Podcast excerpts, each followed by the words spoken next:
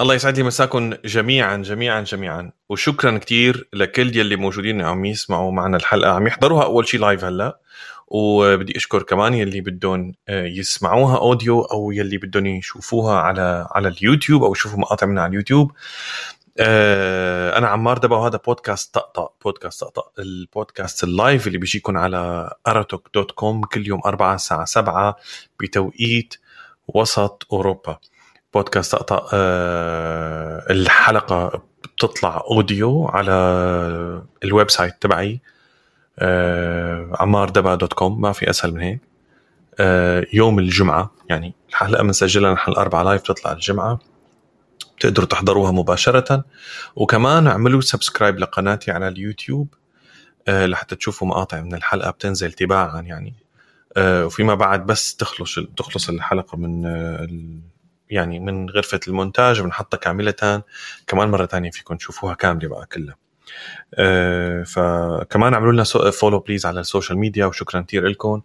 هي الحلقة رقم 33 وهي الحلقة هي الحلقة الأخيرة بنص ال season أو يعني نص السنة. يعني انه حناخذ إجازة نحن 15 يوم وحنبدأ من النص الثاني من شهر 8 هيك 15 يوم بس نروح نريح نجمع أفكارنا. إذا في تحسين نحسن إذا في هالقصص كلها. بس آه، طولنا كتير على ضيفنا الحبيب. أنا أحلى شغلة بهذا البودكاست إنه أنا كل أسبوع بلتقي بشخص بي بي بيفرفح لي قلبي. بس حازم يعني حازم الحموي هو ضيفي لهذا الأسبوع وضيفنا لهذا الأسبوع بس حازم الحقيقة مو فر مو فرفح لي قلبي هي الحلقة. آه، أنا تعرفت على حازم من شهرين يمكن حازم حكينا من شهرين شهرين ونص تقريبا تعرفنا على بعض عن طريق صديقنا المشترك الحبيب رامي البطل يلي هو co-founder ب اراتوك دوت كوم وهون بدي أنا آسف يعني شوي عم تتطول بس القصص عم بتجرجر بعضها. أه بدي أقول لكم إنه اراتوك دوت كوم اللي نحن عم نبث عليها هي startup سوري. شباب لامعين أه, آه، مجتهدين قبضايات جدعان قرروا إنهم يستثمروا بال entertainment العربي. قرروا إنهم يستثمروا بال live events ويعطوا الناس اللي قادرين ينتجوا محتوى يعطوهم منصة بدون أي تأثير لا كان سياسي ولا اجتماعي ولا رقابي. عندك أي شيء بدك تقوله تعال قوله على اروتوك دوت كوم أنا زلمة صار لي هلأ تقريبا سبعة من شهور بشتغل مع مع مع ارتوك دوت كوم بعمل بنشر البودكاست بيطلع عن طريق ارتوك دوت كوم ما في أروع من هيك شغل و... و... ورجاء يا جماعة. خلينا كلياتنا نوقف مع بعض ونتضافر مع بعض ونساعد بعض ونوقف آه، جنب بعض وندعم بعض. هذا الشيء كتير ضروري. خلصت كل الدعايات وال هي مو دعاية. هي مو دعاية والله.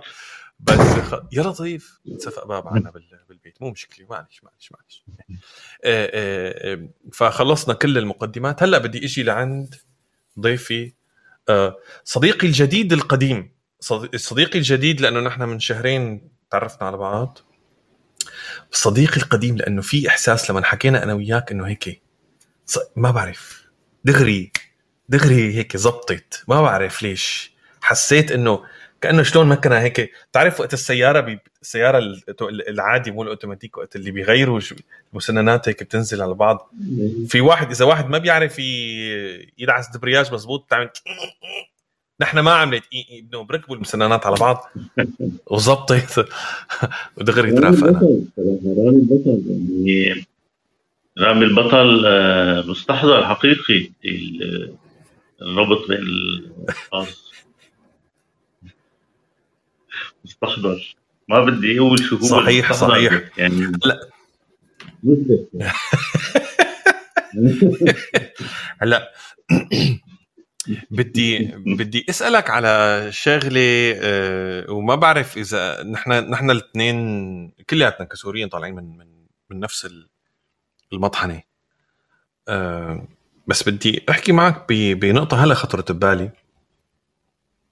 إنه آه، اللي مرق علينا كتير صعب. ونحن كسوريين فقدنا الثقة ببعض. فقدنا الثقة بك مو بس ببعض فقدنا الثقة بالعالم وبال وبالناس وحتى بس بالقدر بكل شيء بكل شيء. فقدنا الثقة خلص يعني. آه، أنا برأيي الشخصي صار الوقت نطوي صفحة للي قادر. ما عم أتجنى على الناس أو عم مثل ما بيقولوا بيض على العالم ولا لا يلا خلص هلأ فورا. بس يلي بيقدر صار الوقت نطوي الصفحة. ونرجع مرة تانية نراهن على بعض. معلش خلينا نثق شوي ببعض ونتعامل مع بعض وكذا.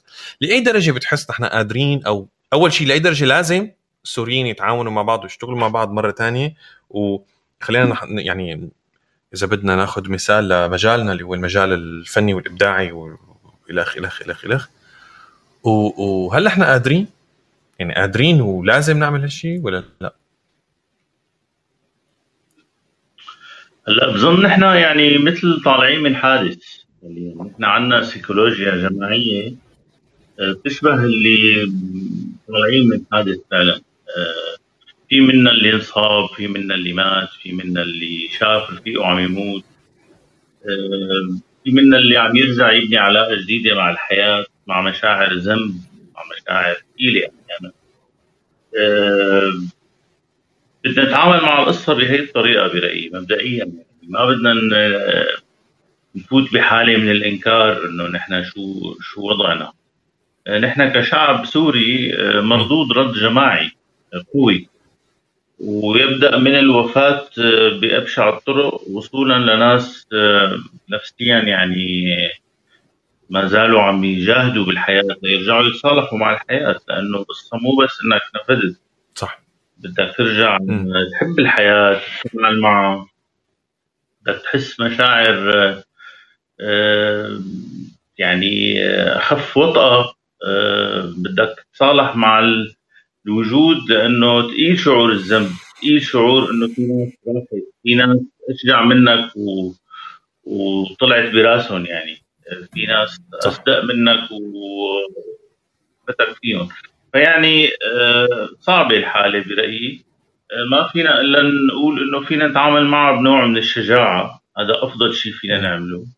أكثر شيء جميل إنه نحن نطلع من الإنكار لأنه في حالة إنكار كمان عندنا. عن طيف واسع من الناس إنه تجميل ما لا يجمل. وجعل الأمور أبسط وحقيقة هي ما أمور بسيطة على الإطلاق. يعني نحن كسوريين قصتنا آه كبيرة.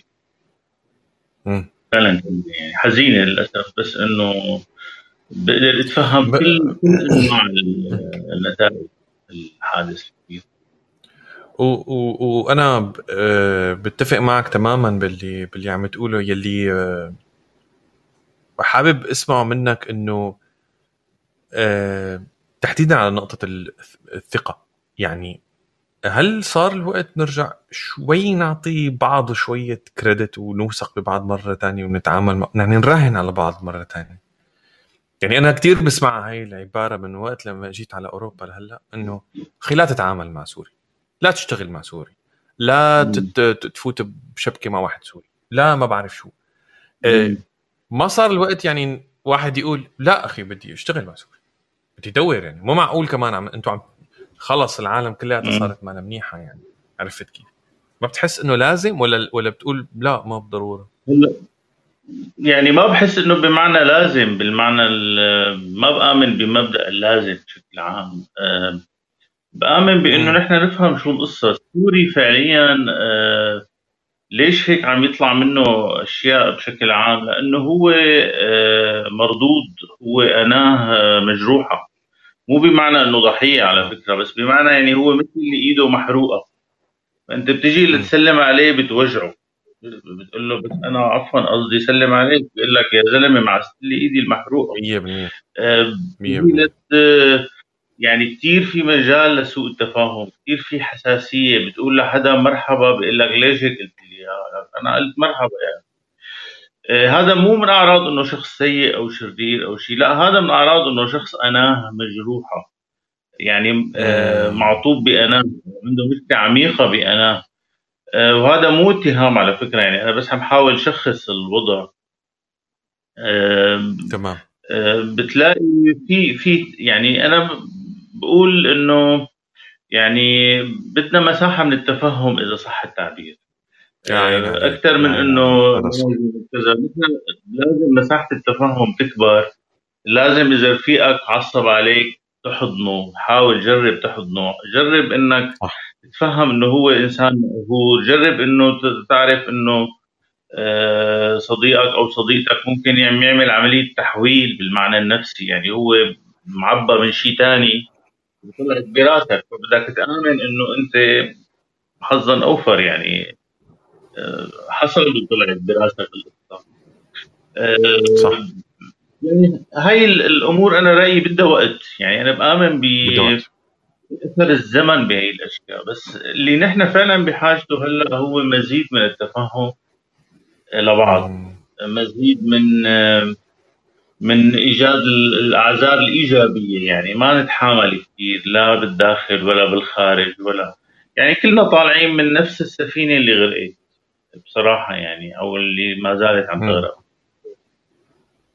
هو لساتها عم تغرق للأسف و يعني أنا دائما لما بيصير هذا الحديث وبينحكى أه طبعا بسبب ال الحالة اللي نحن مرينا فيها وهي هذا الرد النفسي العميق اللي صاير.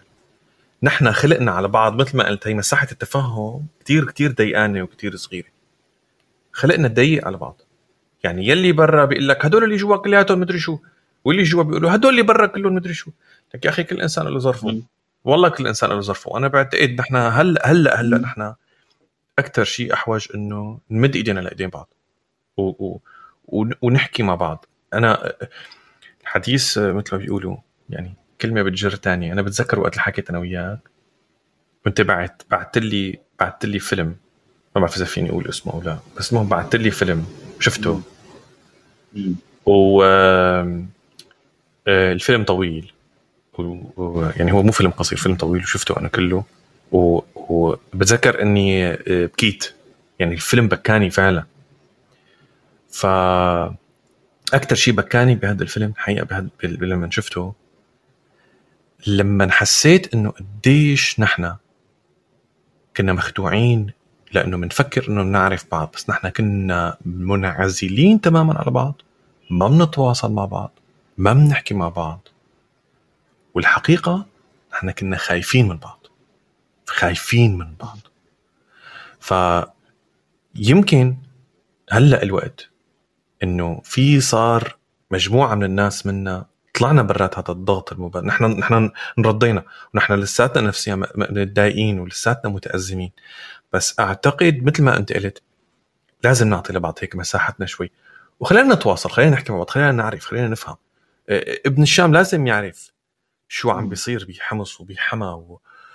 وابن حما لازم يتواصل مع ابن الشام ومع ابن حلب وابن دير الزور. يعني مو مشان شيء بس لأنه كثير نحن أغنياء. على قد ما بنبين فقراء على قد ما نحن أغنياء. عرفت كيف؟ فبدي أشكرك على هالفيلم اللي بعثت لي إياه لأنه صح فيه شغلات عجيبة صراحة. الله يخليك حمورة أه هلأ هي القصة كمان أه خلينا نفكر إنه نحن هاي النتائج حصلنا عليها نتيجة ذهنية معينة. وقدر الإمكان نقتنع إنه هي الذهنية ما حتعطينا نتائج أفضل. يعني فعلا أنا بفكر أحيانا هل هل نحن آه، كسوريين آه، نقدر نصنع أو نستاهل واقع أفضل؟ هلأ ما ما قصدي بالمطلق بس إنه بهيك ذهنية ما بظن. بهيك نوايا بهيك عقلية بهيك عقد اجتماعي. فأنا بشوف إنه مفيد آه، بشكل عام يصير نوع من الاقتناع إنه هي الطريقة بالحياة هي الطريقة بالتفكير هي الطريقة بالتعامل مع بعض. ما حتوصلنا لنتائج ثانية ما حتوصلنا لنتائج مختلفة. أه فأنا شخصيا يعني أنا ببلش من حالي أنا بعتبر حالي بورشه شغل على حالي يعني بورشه إذا بدك تغيير ورشه تنظيف إذا صح التعبير. أه يعني هلأ أنا من أيام سوريا بعتبر إني مبلش آه، بروح على العيادة النفسية بحاول أعرف ليش هيك عم بفكر ليش هيك عم بحس. آه، بس بصراحة لما أتيح لي الفرصة أطلع أكثر شفت الموضوع لسه من برا أكثر والمنظر مخيف من بعيد. عن جد لأنه نحن عنا كتير عنف بثقافتنا عنا كتير ذكورية وما حيفيدنا الإنكار إلا إنه عم نخسر وقت. فبصراحة أنا فتحت هالطاسة يعني النملية إذا بدك هالسقيفة أه ويا يا ميسر يعني شو في بقى ماء جافي؟ شو في أه منظفات؟ شو في يعني فعلا في ورشة برأيي بتصير. الواحد أه بيقعد بحفحف بهال بهالنملية يعني. هلأ أنا ما عم اقلل بقيمة حالي أو يعني بالمعنى الإنساني بس أنا هي هذا تشخيصي للوضع. نحن بهذا الجو نقعنا إذا صح التعبير. آه، ما فيني لومك ليش ريحتك زيت زيتون؟ ما أنت عايش بمعصر تماما. تماما يعني تماما. وبشوف إنه في فرصة يعني. هذا هذا هو لموضوع ثاني إنه خاصة الناس اللي طلعت آه، من سوريا واللي اتيح لها أكثر تروح على جو مختلف مثل أوروبا. يعني فرصة آه، إنه آه، فعلا قووا قلبكم خاصة الذكور منهم والرجال. يعني بمعنى انتبهوا اصحوا قديش في ذكورية بهي الثقافة قديش مشربة بالعنف قديش فيها ظلم للمرأة. آه، برأيي نحن أمام لحظة يعني ذهبية للي بده فعلا يغير. ما حيلاقي شرط أنسب من هيك إنه فعلا آه، آه، يطلع أول شيء من الإنكار لأنه هذا برأيي شرط أساسي لا لا يعمل أي تغيير الواحد. وبعدين يبذل مجهوده يعني الواحد لما بي بيحط طاقته الإنسانية بهالشيء بيكتشف إنه الملف عم يتحرك. وهو نفسه من جوا مشاعره عم تتغير وبمر بأطوار ومراحل و... آه أنا بشوفها كتير جميلة بصراحة. يعني أنا يوم بعد يوم بحس حالي أقرب لجوهري الإنساني. آه صورة الرجل البشعة يلي كمان آه للأسف أنه ارتبطت بمجتمعنا أنه الرجال لازم يكون هيك عنيف لازم يكون يعني مثل البادي جارد نوعا ما آه، أو مثل الحارس على عرضه يعني هي صورة كثير بشعة. الرجل أجمل من هيك. تماما. آه، يعني أنا حتى أنا هذا اللي كنت بدي يعني أنا وصلت لمحل عمار عن جد إنه بكره الجندر اللي بنتمي له يعني وصلت لمحل إنه العمش وبشعين. هدول الرجال اللي بيزعقوا وبيضربوا وعنيفين وهذا الأب اللي دائما هيك معاقب. والرجل اللي دائما هيك يعني بشع ما فيني أقول غير إنه بشع أه بعدين لا اكتشفت إنه لا في في وجه آخر جميل يعني ممكن تكون أنت عندك نوع من الحماية عندك قدرة آه، على الاحتواء عندك جانب أمومي بشخصيتك ممكن يكون كمان تعيشه. أه تفهم حتى القطب المؤنث بشخصيتك تطوره آه، تضخه وتستقبل يعني الصورة اللي اللي نحن نقعنا فيها يعني بألطف تعبير لازم ينعاد النظر فيها وبنصير أجمل. تماما.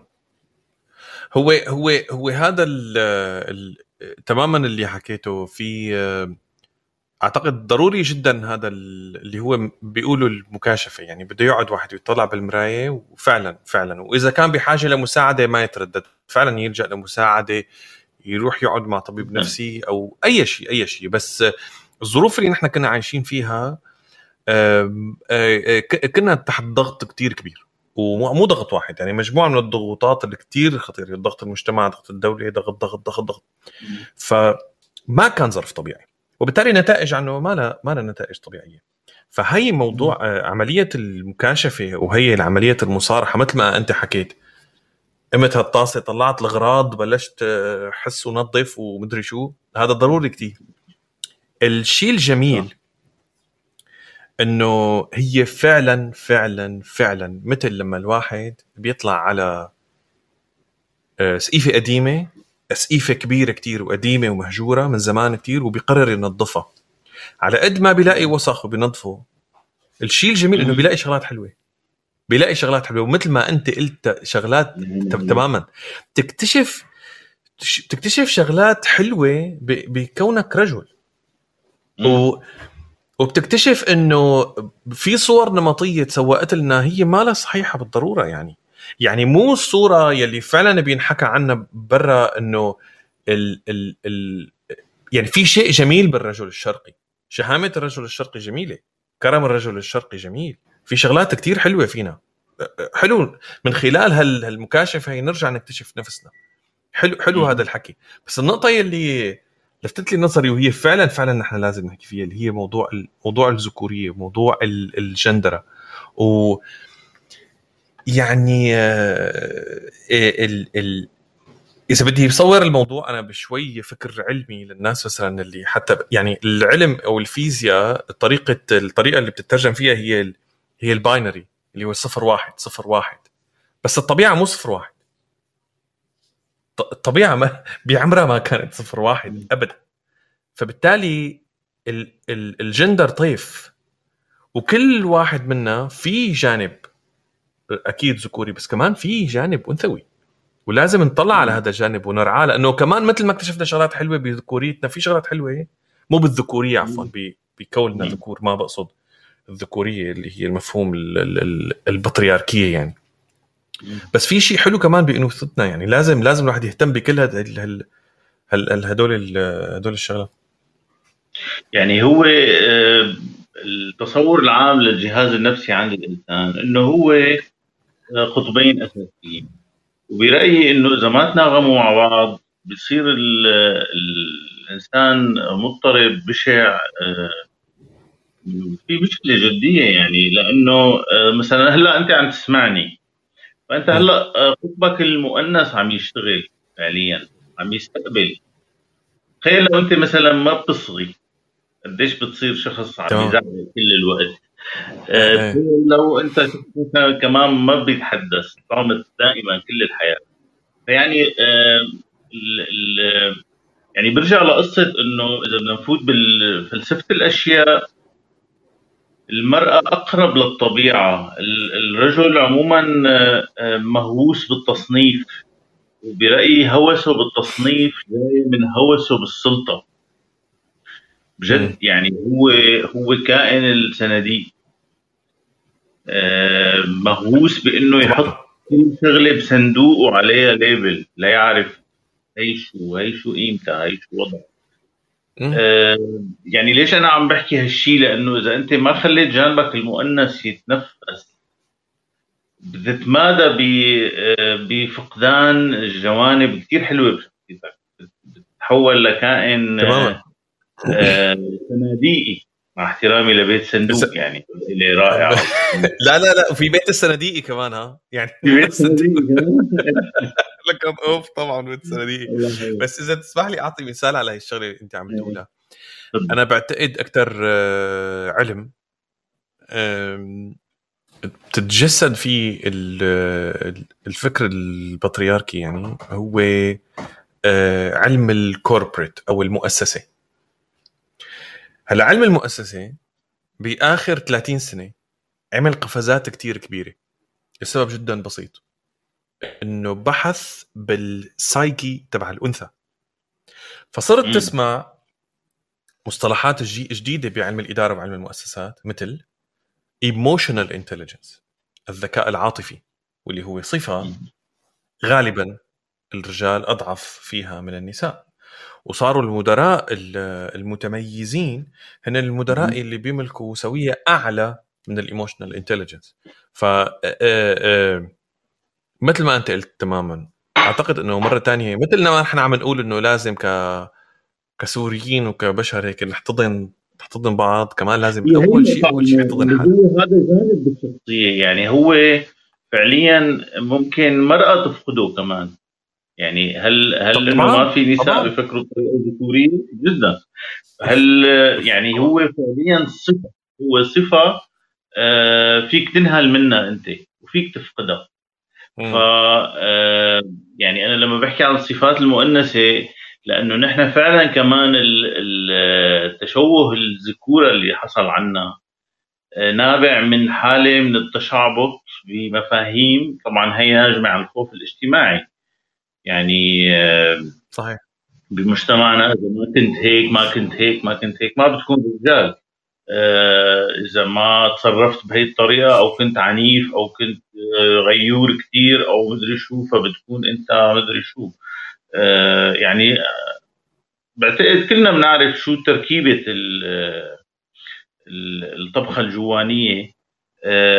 بس هي بصراحة بتحتاج نوع من الشجاعة إنك تقول لا تمام. أنا بحمل مسؤولية أكبر للرجال أو للذكور لأنه برأيي نحن آه، لازم نكون رأس حربة هذا التغيير رح أقول لك ليش. لأنه يعني لاحظ شو عم يصير مع كل النساء يلي عم يقولوا لا لهي المنظومة.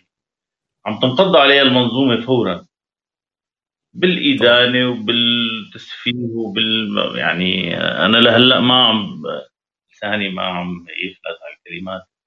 بس يعني إنه بيبشعوهم بيشرمطوهم بيعملوهم مدري شو يعني آه برأيي نحن لازم ندافع بجد لأنه آه آه إذا ما قدرنا نقول لا لهال لهالفكرة هي تحديدا برأيي كل المشروع فاشل برمته بناء الدولة فاشل إعادة ترميم المجتمع فاشل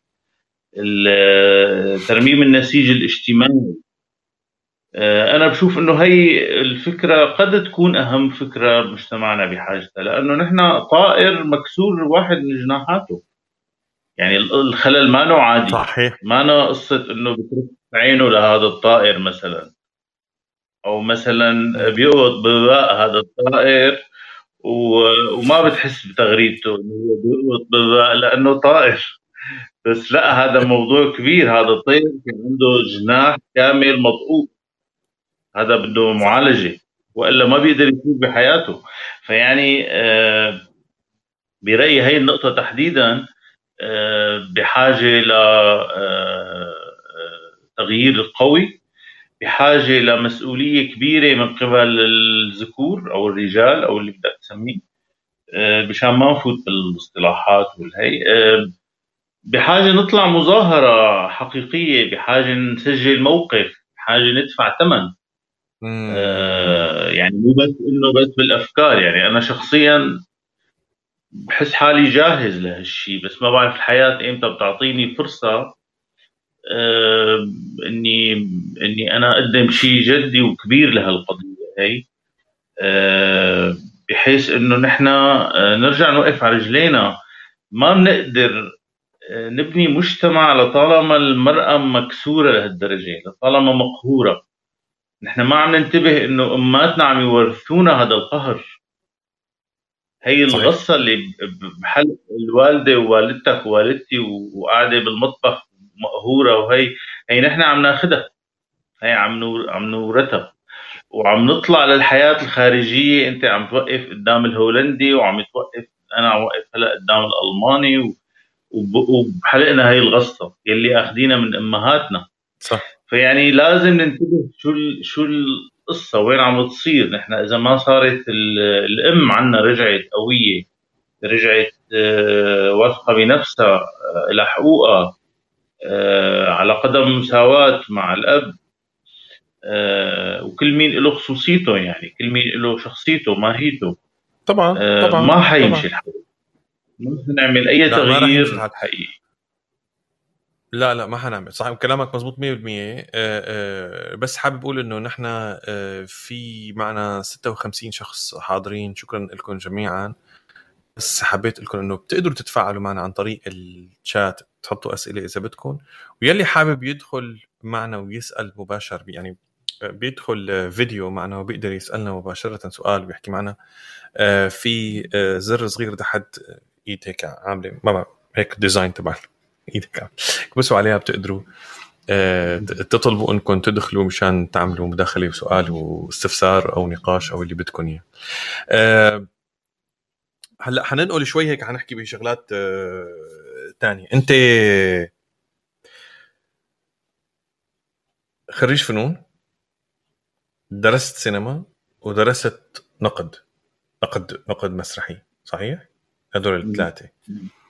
آه أنا بشوفك حتى أوسع من هيك بكتير لأنه أنت فنان كاريكاتور وأنت رسام وأنت مخرج وأنت يعني ما بعرف شو بتقدر عندهم كتار كتير. الفنان هل تعدد أدواته عبء عليه ولا هن تمكين لإله لحتى يعني هل بتعطيه شيء من الشمولية؟ بحيث إنه فعلا بتقدمه يعني بيكون آه، من كل الجوانب أو من جوانب كثيره عم يقدر ينتج. آه، لأنه يعني بقصد مجربة من قبل إنه الناس يلي بيحاولوا يشتغلوا بأكثر من مجال لأنه عندهم هالأدوات. أحيانا بيصير في نوع من أنواع التشتت. شو تجربتك مع هذا الموضوع؟ مع تعدد الأدوات؟ ومع استخدامها شلون بيفيدوا بعض أو مثلا ما بيفيدوا بعض؟ والله من أصعب الأسئلة وأهم منها أه هلأ هل في ضياع بهالشيء مبدئيا؟ برأيي إيه ممكن. محتمل جدا يكون في ضياع. ولكن آه إذا بنشوف سياق أي بحث أو أي تجريب أو أي شيء فيه مرحلة من الافتراض والضياع. يعني مو بالمعنى السلبي للكلمة صح. ولكن ضمن البحث عن الهوية آه هذا الشيء برأيي بيحصل. ولما الفنان بيروح بعدة اتجاهات برأيي معناتها بحثه عن هويته جاد وقوي وممكن يكون آه، يحصد نتائج مهمة مع الوقت. صح. صح. هلا شخصيا أنا برجع الموضوع لسببين أساسيين. أول شيء بحثي عن ذاتي آه، ما زال مستمر. يعني آه، بالمعنى العملي للقصة آه، آمن بأهمية الزمن بأهمية العمر. أكثر مادة خام نحن بحاجتها هي الوقت. عمرنا هذا هو التول تبعنا لنعمل كل شيء بدنا إياه بالحياة. لما بنتقل من مجال لآخر بحسه نوع من إدارة الشحنة من إدارة الوقت. لأنه شحنتي مثلا ممكن تجاه الموضوع السينمائي تخلص أو أطلع من فيلم معين منهك أو ما بدي أقرب على السينما سنتين يا أخي. ما ما فيني. أنا آه، قلبت على ظهري بعد هالفيلم. بس أنا ما بيعني إني بهذا الوقت ما عم بشتغل شيء ثاني أه بروح أه بجوز عالم اللوحة يقول لي تفضل يعني أه اشتغل وجرب. كمان بحس الرحلة مع اللوحة ممكن تبلعني لعوالم صعبة. يعني العلاقة بالعزلة الشديدة بجوز بحالات من التوحد مع المكان. حالك ما عاد بحاجة تطلع أصلا من غرفتك أنت واللوحة وصل لك أسبوعين ثلاثة ولا ولا في أي مشكلة. كمان بتحس مثل بحر وسحبك.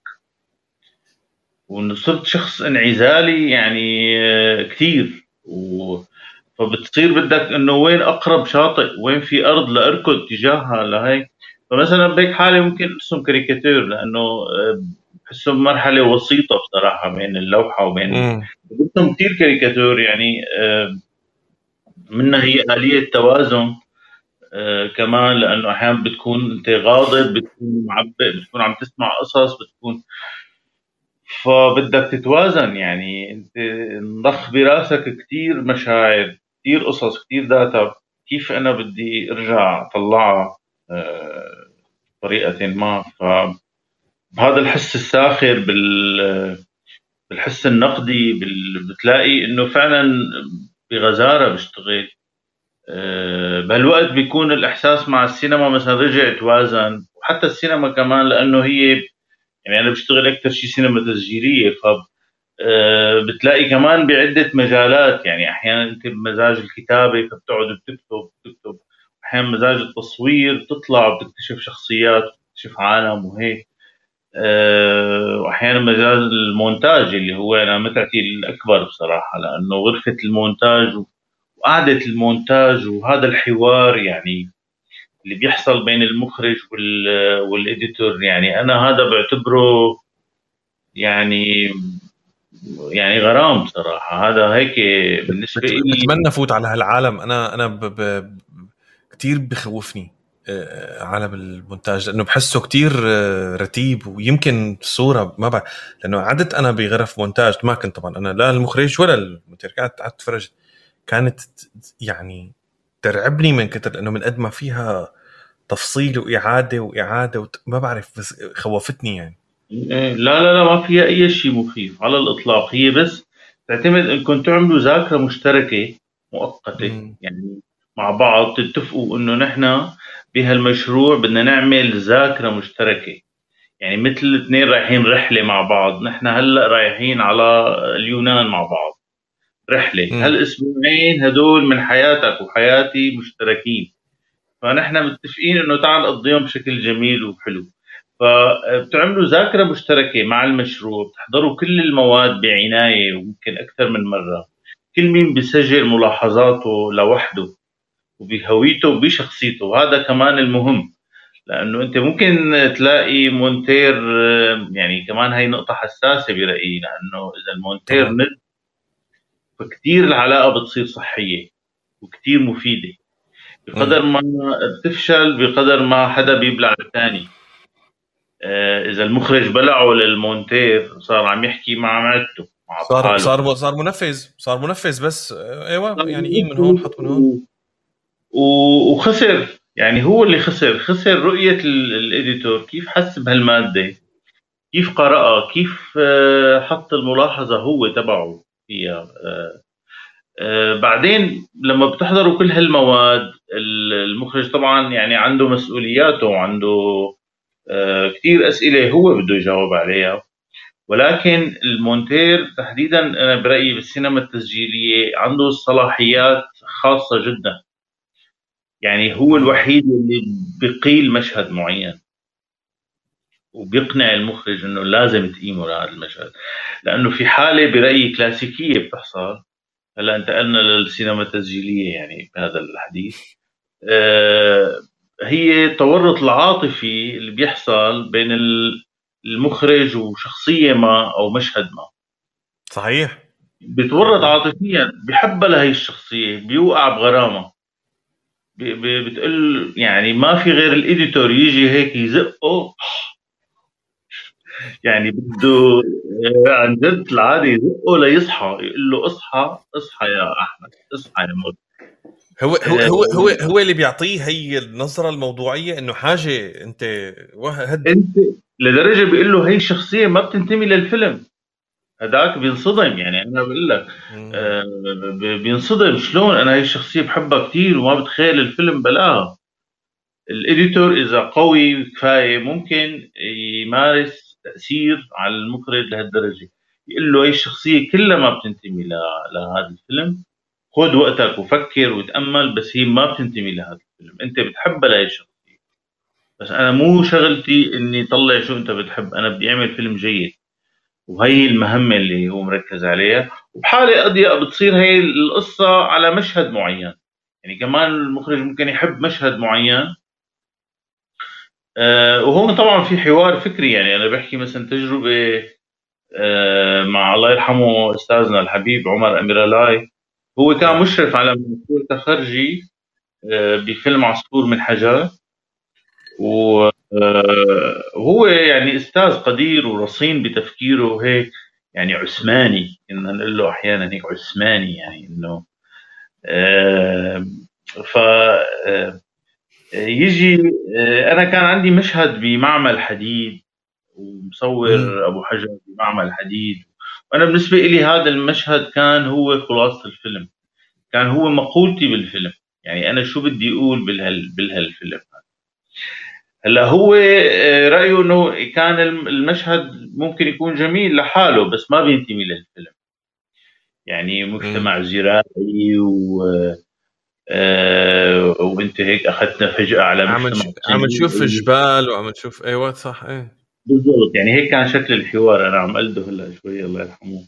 آه عفوا ما انتبهت اي إيه. يعني هو هيك وقتها إنه نحن بمجتمع زراعي اخذنا فجأة هيك على معمل وحركات وقصص. وهو رزين يعني برجع بقول لك هلأ أنا بالأخير ماني هو يعني وهو احترم هالشيء طبعا. أنا بالنسبة لي كان هذا جزء من من شخصيتي الفنية إنه أنا بدي هذا المشهد. آه اللي هو أبو حجر لحاله بمعمل حديد وبأمام هالكتل الصفيح الهائلة. يعني أنا هيك شبهت حياته لهذا الإنسان. إحنا كنا بهي القسوة معه. آه هذا كان فيلم التخرج. آه. بالضبط. فيعني إيه يعني كان هذا كمان ممكن يكون مثال آه، التشعبط بمشهد معين إنك أنت تحس إنه في مشهد آه، أنا بدي إياه بالفيلم ما بقدر أتخيل الفيلم بلا. هلأ بهي الحالة أنا ما زلت بصراحة مقتنع إنه هذا المشهد أساسي بالفيلم وعامل توازن بالنسبة لي آه، في نوع من المقولة النهائية لأنه أنا بالفيلم كمان مقدم حالي مثل هذا المجتمع. يعني اللي مو شايفين الفيلم. يعني كمان هون كان في سؤال حساس إنه هل إنه أنا هذا الشخص المنيح اللي جاي يصور أبو حجر ويقول إنه ليك وأنا المنيح اللي عم ورجي هذا المجتمع الشرير؟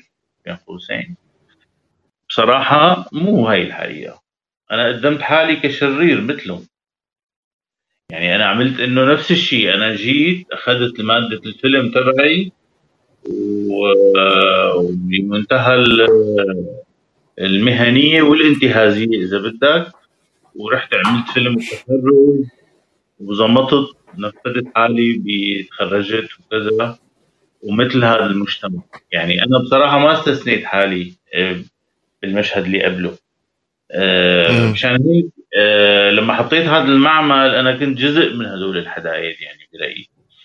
ما برأيي هذا بيزيد كمان الفيلم أهمية يعني لأنه سيئة فكرة إنك أنت تقول أنا المنيح ليك والمجتمع أشرار مثلا. يعني في شيء آه إنه إيش معنى يعني أنت مثلا مالك هيك؟ ونحن ونحن بمجتمعنا تعودنا على هال يعني تعودنا على هال هذا السعي اللي بغالب الأوقات غير صادق. ل لحتى أطلع أنا أنا نقي وأنا طهراني وأنا مو مثل الباقي. أنا برأيي الموقف الأقوى أنك أنت ما تستثني نفسك من المنظومة ولكن تحلل بشجاعة. يعني تعطي التحليل وتقول إنه أنا جزء من هي المنظومة ولكن عندي موقف. صح. يعني مجرد إنك أنت عندك وعي وإدراك وعدم إنكار هذا نصف الحل. وبعدين صح. بتفرز موقف بتقول أنا ما بقبل يكون هيك. أنا ما بقبل أحط شخص مثل أبو حجر بهي الزاوية. نحن اللي عم نصنع هدول العالم عم نحولهم لضحايا لأنه آه، ما بدي أحرق الفيلم. ولكن آه، بالمناسبة أنا هذا الفيلم ما بوزعه لهلأ إلا بتحفظ احتراما لرغبة أبو حجر نفسه الله يرحمه. يعني أنا آه غريب مات مات هو أبو حجر الله يرحمه. مات من كم سنة؟ إيه الله يرحمه. آه، بس أنا نزولا عند رغبته من 2006 في نوع من الاتفاق الخفي أنا وياه إنه هذا الفيلم أنا بدي أتخرج فيه وهو بيحكي عن موضوع حساس وقصتك أنت وكذا يعني أنا كنت كثير صريح معه. وهذا موضوع آخر على فكرة لأنه ضبطه كانت عملية شاقة وصعبة جدا. برايي كان الحل الوحيد إنه إنه فعلا أنا وأبو حجر نصير أصدقاء وبالمناسبة هو زارني بالشام هون ببيتي نام بغرفتي. آه يعني ما بعد التصوير اخذته زيارة على بيتي بس مشان عالج فكرة إني أنا بالفيلم قدمته إني أخذت مادتي ورحت بس بالواقع أنا ما تركته. أنا قلت له مينيموم بدك تروح زيارة لعندي على الشام لأنه نحن صرنا أصدقاء. آه وفعلا آه يعني كانت رحلة كثير حلوة. آه كان الحل الوحيد برأيي لضبطه آه هو إنه يقتنع بأعماقه إنه هو بيأذيني إذا ما اجى على التصوير. والله يعني ما بدي ضرك أنا ما بدي ضرك أنت كويس ما ما بتستاهل ضرك هيك بتذكر كلماته. إيه، إيه، إيه. يقول له ليك أبو حجر أنت فيك بصراحة ما تجي على التصوير بنوب غير الله ما بيلطف بتكون بهالبراري وبهال وين بدي اجيبك هنا يعني براسي بإيدك بصراحة. وأنا معي فنيين ومعي مهندس آه، صوت ومعي مصور ومعي مدير تصوير إيه طبعا. إيه، يعني إنه أنت بدك ما تجي على التصوير هو يوم واحد ما اجى وهو قال لي يعني والله ضلت كثير معلش اعتبروا اجازه هاليوم. يعني قلت له ما مشكلة. ورغم هذا يعني بصراحة ما كنت حاول ابدا إني كنت أتوتر بس ما كنت أضغط عليه على الإطلاق. يعني كان دائما ضابط إنه في ثقة إنه هو رح يجي. وهو فعلا يقول لي والله أنا ما بضرك. يعني أنا حبيتك وما بضرك. فعلا وفعلا هيك يعني. وصدقا يعني كانت العلاقة كثير شفافة بيناتنا أثناء التصوير وبعد التصوير. وحتى أنا قلت له يعني قلت له أنا هلأ عم بعمل فيلم تخرج وأنا ما تفكرني أحسن من هذا المجتمع أبو حجر. يعني أنا بجوز حبيتك كمان وصرنا أصدقاء وبتشرف بزيارتك. وأنا فعلا يعني بشوفه بمنتهى الندية. يعني أنا هذا يمكن الخيط القوي اللي كان بيني وبين حجر إنه آه إنه هو بأعماقه لمس إني أنا بتعامل معه بمنتهى الندية. آه بساله رأيه بالوحدة العربية بساله رأيه بالاتحاد السوفيتي. شو رأيه بالحب؟ شو رأيه بصناعة السيارات بألمانيا؟ يعني ما عندي أي آه، موضوع بحس إنه إيه لا بدك تسال أبو حجر لا بسأله مثل أي صديق ثاني يعني. وهذا الشيء حقيقي طبعا آه، وهذا الشيء اللي خلى العلاقة كلها تكون حلوة يعني. صح. بما فيها كمان إنه أنا ما عزلت حالي عن هذا المجتمع. إذا رجعنا قال له هذا المجتمع شرير يقول له لا لا ما أنا يعني هو يدافع عن المجتمع إنه هو ما أنا, أنا أدهشني هذا الموقف أنا أدهشني هذا الموقف وقت كنت عم شوفه إنه هو كيف عم يدافع عن المجتمع. المجتمع لا لا المجتمع مو قاسي. المجتمع مو يعني كثير كان. بس نحن ما بدنا نحرق الفيلم اللي ما شافوه. آه يعني آه بدي بدي مرة تانية أرجع على فكرة المخرج وتعامله مع مع مع مع الناس اللي حواليه وقديش ضروري يعني آه، يكون في نوع من أنواع الندية والتفاهم. يعني ندية وتفاهم بنفس الوقت. يعني آه، نحن عنا في هي الصورة النمطية تبع المخرج اللي بيفوت اللي بيصرخ على العالم اللي بده شغلته الدكتاتور المتوحش اللي بيزت السكريبت بالأرض وبيشوط المدري شو برجله ومو عاجبه بضل بيسب وبيخانق. بس مثلا أنا اشتغلت مع اشتغلت مع كثير يعني directors برات سوريا. إلي ت... إلي كم تجربة بسوريا؟ يعني ما كانوا لطيفين بس يعني بسوريا مرة هلا بتذكر في مخرج اتخانق بنص المشهد. ما عجبه المشهد من قد ما عصب ماشي كان لابس هيك شحاطة يعني. التصوير كان بالصيف فلابس شحاطة وشورت و فمشي مدري شو عمل هيك برجله شلف شغلة قام طارت الشحاطة. فما بده ي... طلع منظره كثير بضحك. فمشان ما يهز صورته قدام العالم كمل طريقه وراح دخن سيجارة. مجي فوق هذا وراح دخن سيجارة ورجع هو رجل حافي ورجل لابس مشان بس يخلي هي الهيبه شيء كان كتير كاريكاتوري يعني. بس مثلا أنا اشتغلت مع مع مع دايركتورز برات سوريا. لهلا بتذكر في آه، مخرج اشتغلت معه أكثر من شغلة. مخرج آه، هو مصري بس آه، شاغل طول عمره برا وعايش برا. من زمان كتير عايش برا. هو حتى إيطالي وزوجته إيطالية و... وكل وقته عايش بإيطاليا. بس كان يشتغل بدبي كتير. فكان عندنا مشروع وإجا ال footage كلياته وبتذكر إجا ال editor أو المونتير يعني وقعد معه. وقال له هي المواد هيك القصة هيك كذا كذا كذا. فالمونتير طلع فيه قال له طيب يعني شو بدك يعني أعمل؟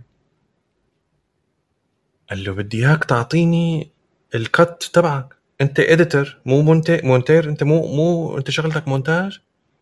أنت اقطع الفيلم.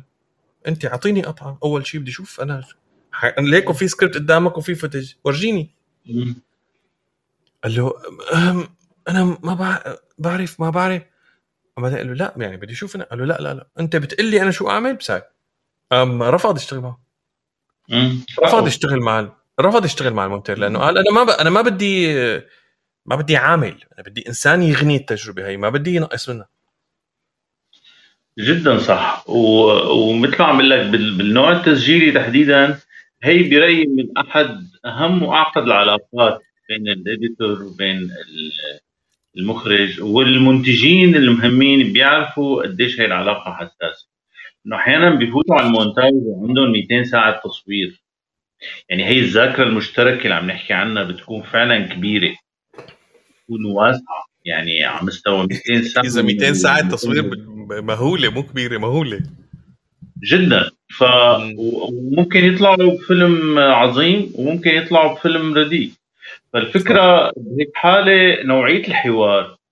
ولا بديل عن الندية يعني مشان هيك أنا بصراحة بعاني جدا مثل ما كل العالم العربي بيعاني. يعني أنا على فكرة ب أحد مشاكلي مع فيلمي الطويل الأول اللي, اللي اسمه قافلة في غرفه واللي آه، غيروا لي حتى عنوانه. يعني أنا برايي أول فيلم طويل بعمله كانت تجربة جدا صعبه وضليت كذا سنة أتعافى منها يعني جد. أوف. آه طبعا.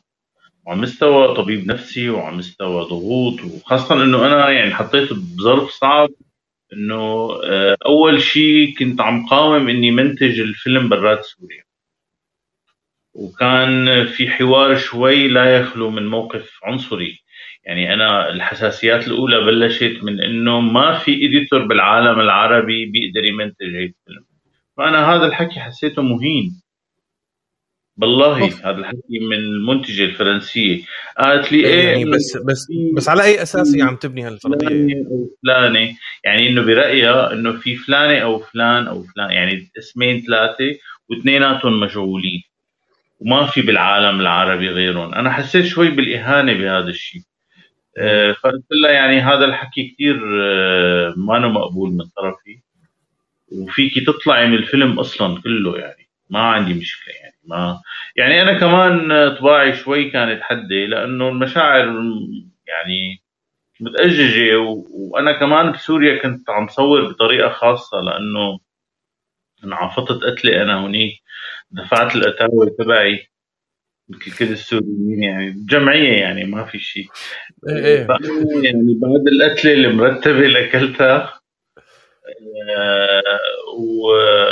والخوف يعني أنا نحط المسدس براسي خمس دقائق بجد وملقم بمكتبي بمكتبي ابدا. تلقم الهي وخمس دقائق عم ياخذوا كل الأغراض أي حركة بفضي براسك.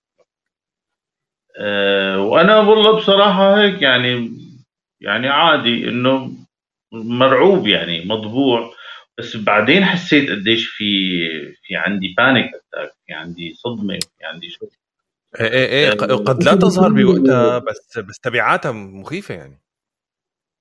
تبعاتها فعلا مخيفة لأنه أنا كنت متوقع هذا الشيء لأني أنا عم بصور وعم صراحة مو بس عم صور الحدث اللي عم يصير يعني. مثلا أنا كنت عم بشتغل مع الأستاذة سراب أتاسي آه على موضوع توثيق الحمامات و...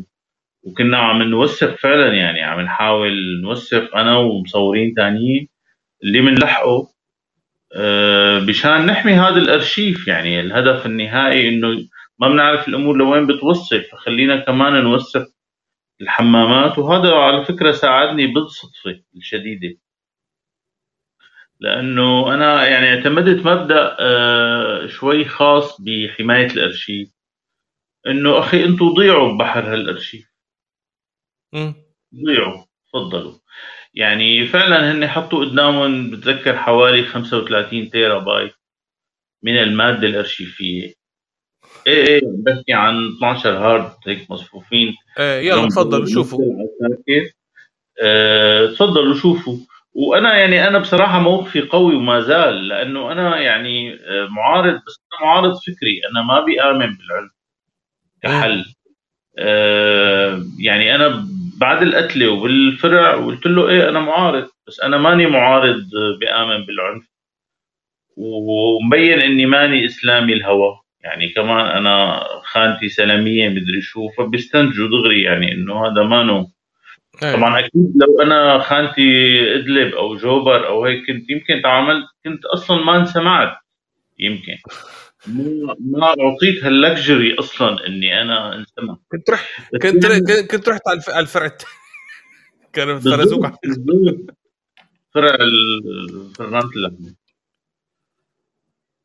للأسف يعني بس إنه آه يعني بقصد آه، يلي هو آه، من جوا بيعرف نفسه برايي بهي اللحظات بتطلع منابع القوة. صراحة يعني أنا هلأ يمكن خايف أكثر من من جوا. آه، بالمعنى قديش هلا ماني خايف أو ماني هنيك ابدا ما كنت خايف على الإطلاق. يعني بالعكس كان عيني كثير قوية وفي موقف ما بنساه إنه لما سألته عندك إنترنت؟ في لحظة معينة قال لي ما عم نكت معك ولك. قلت له أنا ما عم نكت معك عم بسألك عندك إنترنت وأنا مطربخ طبعا وراسي على الأرض وهيك. يا لطيف عندي إنترنت. قلت له اكتب جائزه دبي الثقافية. كنت أخذها صار لي شيء يعني شغلة أقل من سنة. يعني أقل من أشهر يعني. وفعلا أنا بهي الجائزة كنت ربحان الجائزة ورحت من خلالها أسست شركة. يعني فعلا إنه تحسنت المعدات آه، صار في أكثر أجهزة قدرنا نطلع ترخيص أخذت مكتب بالصالحيه سجل تجاري وصناعي وكذا وإنه يعني إحنا جروب عمل لطيف يعني وحلو ومتناغم يعني. فكان بيستاهل إنه نحن نبلش نصير يعني شركة أو مؤسسة أو لنا صيغة أو شيء. آه، فأنا كان كان موقفي قوي بصراحة آه، من هالناحية. إنه أنا يعني استعملت الجائزة استعمال كثير منيح مثالي يعني. آه، فهو وقت عم يتهمني إنه منين عم تجيب مصاري؟ منين عم تجيب هالعده منين عم فانه أنا قلت له عندك إنترنت؟ اكتب كتب وقتها. قلت له إيه أنا أخذ الجائزة الأولى بدبي ثقافية جائزة الإبداع. ويسلموا إيديكم على التكريم يعني. ما دام ما أطلع على التلفزيون أحكي عن الجائزة أو شيء باكل قتلة وبجي. صدفتوني عندكم. فعلا هيك حصل. وأنا قلت له ما زلت على فكرة يعني أنا معارض وأنا معارض فكري. أنا ما ما عندي قناعة أصلا ب... بأي مشروع بيامن بتصفية الآخر أو بإلغائه أو بشيطنته. يعني ما بحس على الإطلاق يعني مخي دغري بيعطي ايرور آه، ما بحس أي حل حقيقي آه، بهي قصة آه، إنه نحن وأنتم أو اللي برا أو اللي جوا. أو حتى المعارضين والمؤيدين أو يعني لهالدرجة. يعني أنا بحس إنه نحن عم عم ننهل من ذات ثقافة القمع. في منا من أتيح له الظرف النفسي أو الموضوعي إنه يصرخ وفي منا اللي ما قال لا أو ما قال أي أو ما عيط أو هلأ عم يعيط أو مدري شو. بس إذا بدنا نحلل القصة بعمقها يعني ما في مجال ابدا لأنه نحن ما نفهم بعض. يعني آه ما حتى آه وأنا بايدك أنا برأيي ما في مهرب ابدا. يعني هي آه، امبارح نحن حكينا بهي النقطة تحديدا اللي هو الناس كلياتها عم عم عم تطالب بالعدالة العدالة العدالة لازم والعدالة الانتقالية والعدالة اللي ما بعرف شو وبلشوا يصنفوا العدالة وبلشوا يحكوا بهالحكي كله. حتى آه، مرة كان في طرح لمشروع ثقافي كمان مثل ما أنت عم تحكي. يدور بفلك التفهم الآخر والتواصل مع والحكي هذا كله. فكانت الردود الأفعال كلياتها اللي عم تجينا إنه لازم بالأول يتحاكموا كل المجرمين بعدين بنبلش ما في أول شيء مين بده يحاكم كل المجرمين؟ أول شغلة مين بده يحاكم كل المجرمين؟ بعدين كل المجرمين شلون بدك تحصرهم هدول؟ يعني هن انت أنت كأنك بتحس في نبرة خفية إنه الطرف الآخر هن المجرمين مو نحن. بس يعني في مجرمين بالطرفين. الخلل الفكري إنه أنت معناتها في جادجمنتال من جهة معينة. يعني بتروح لعند هدول بنصير نحن المجرمين. ليك المجرم مع احلام نظاره ليك المجرم مزبوط بتروح لهونيك بيقول لك بتروح لهون بيقول لك ليك هدول اللي بالداخل أصلا هدول اللي عم يشبحوا هدول هن المجرمين. لا أنا رأيي مو هيك الحل العميق. يعني هذا نابع من شيطنه الآخر باعماقه معلش بس أنا آسف قبل بدي أقاطعك بس على نقطة شغلة كثير كثير آسف. هذا الكلام ما له علاقة بال بالمظلومية. يعني هو ما له علاقة مم. بقضية الظلم وقضية الطغيان هاي قصة تانية تماما. موضوع العدالة وموضوع إعادة تأهيل المجتمع حتى نرجع نبني مجتمع جديد ومو إنه جديد من جديد بس.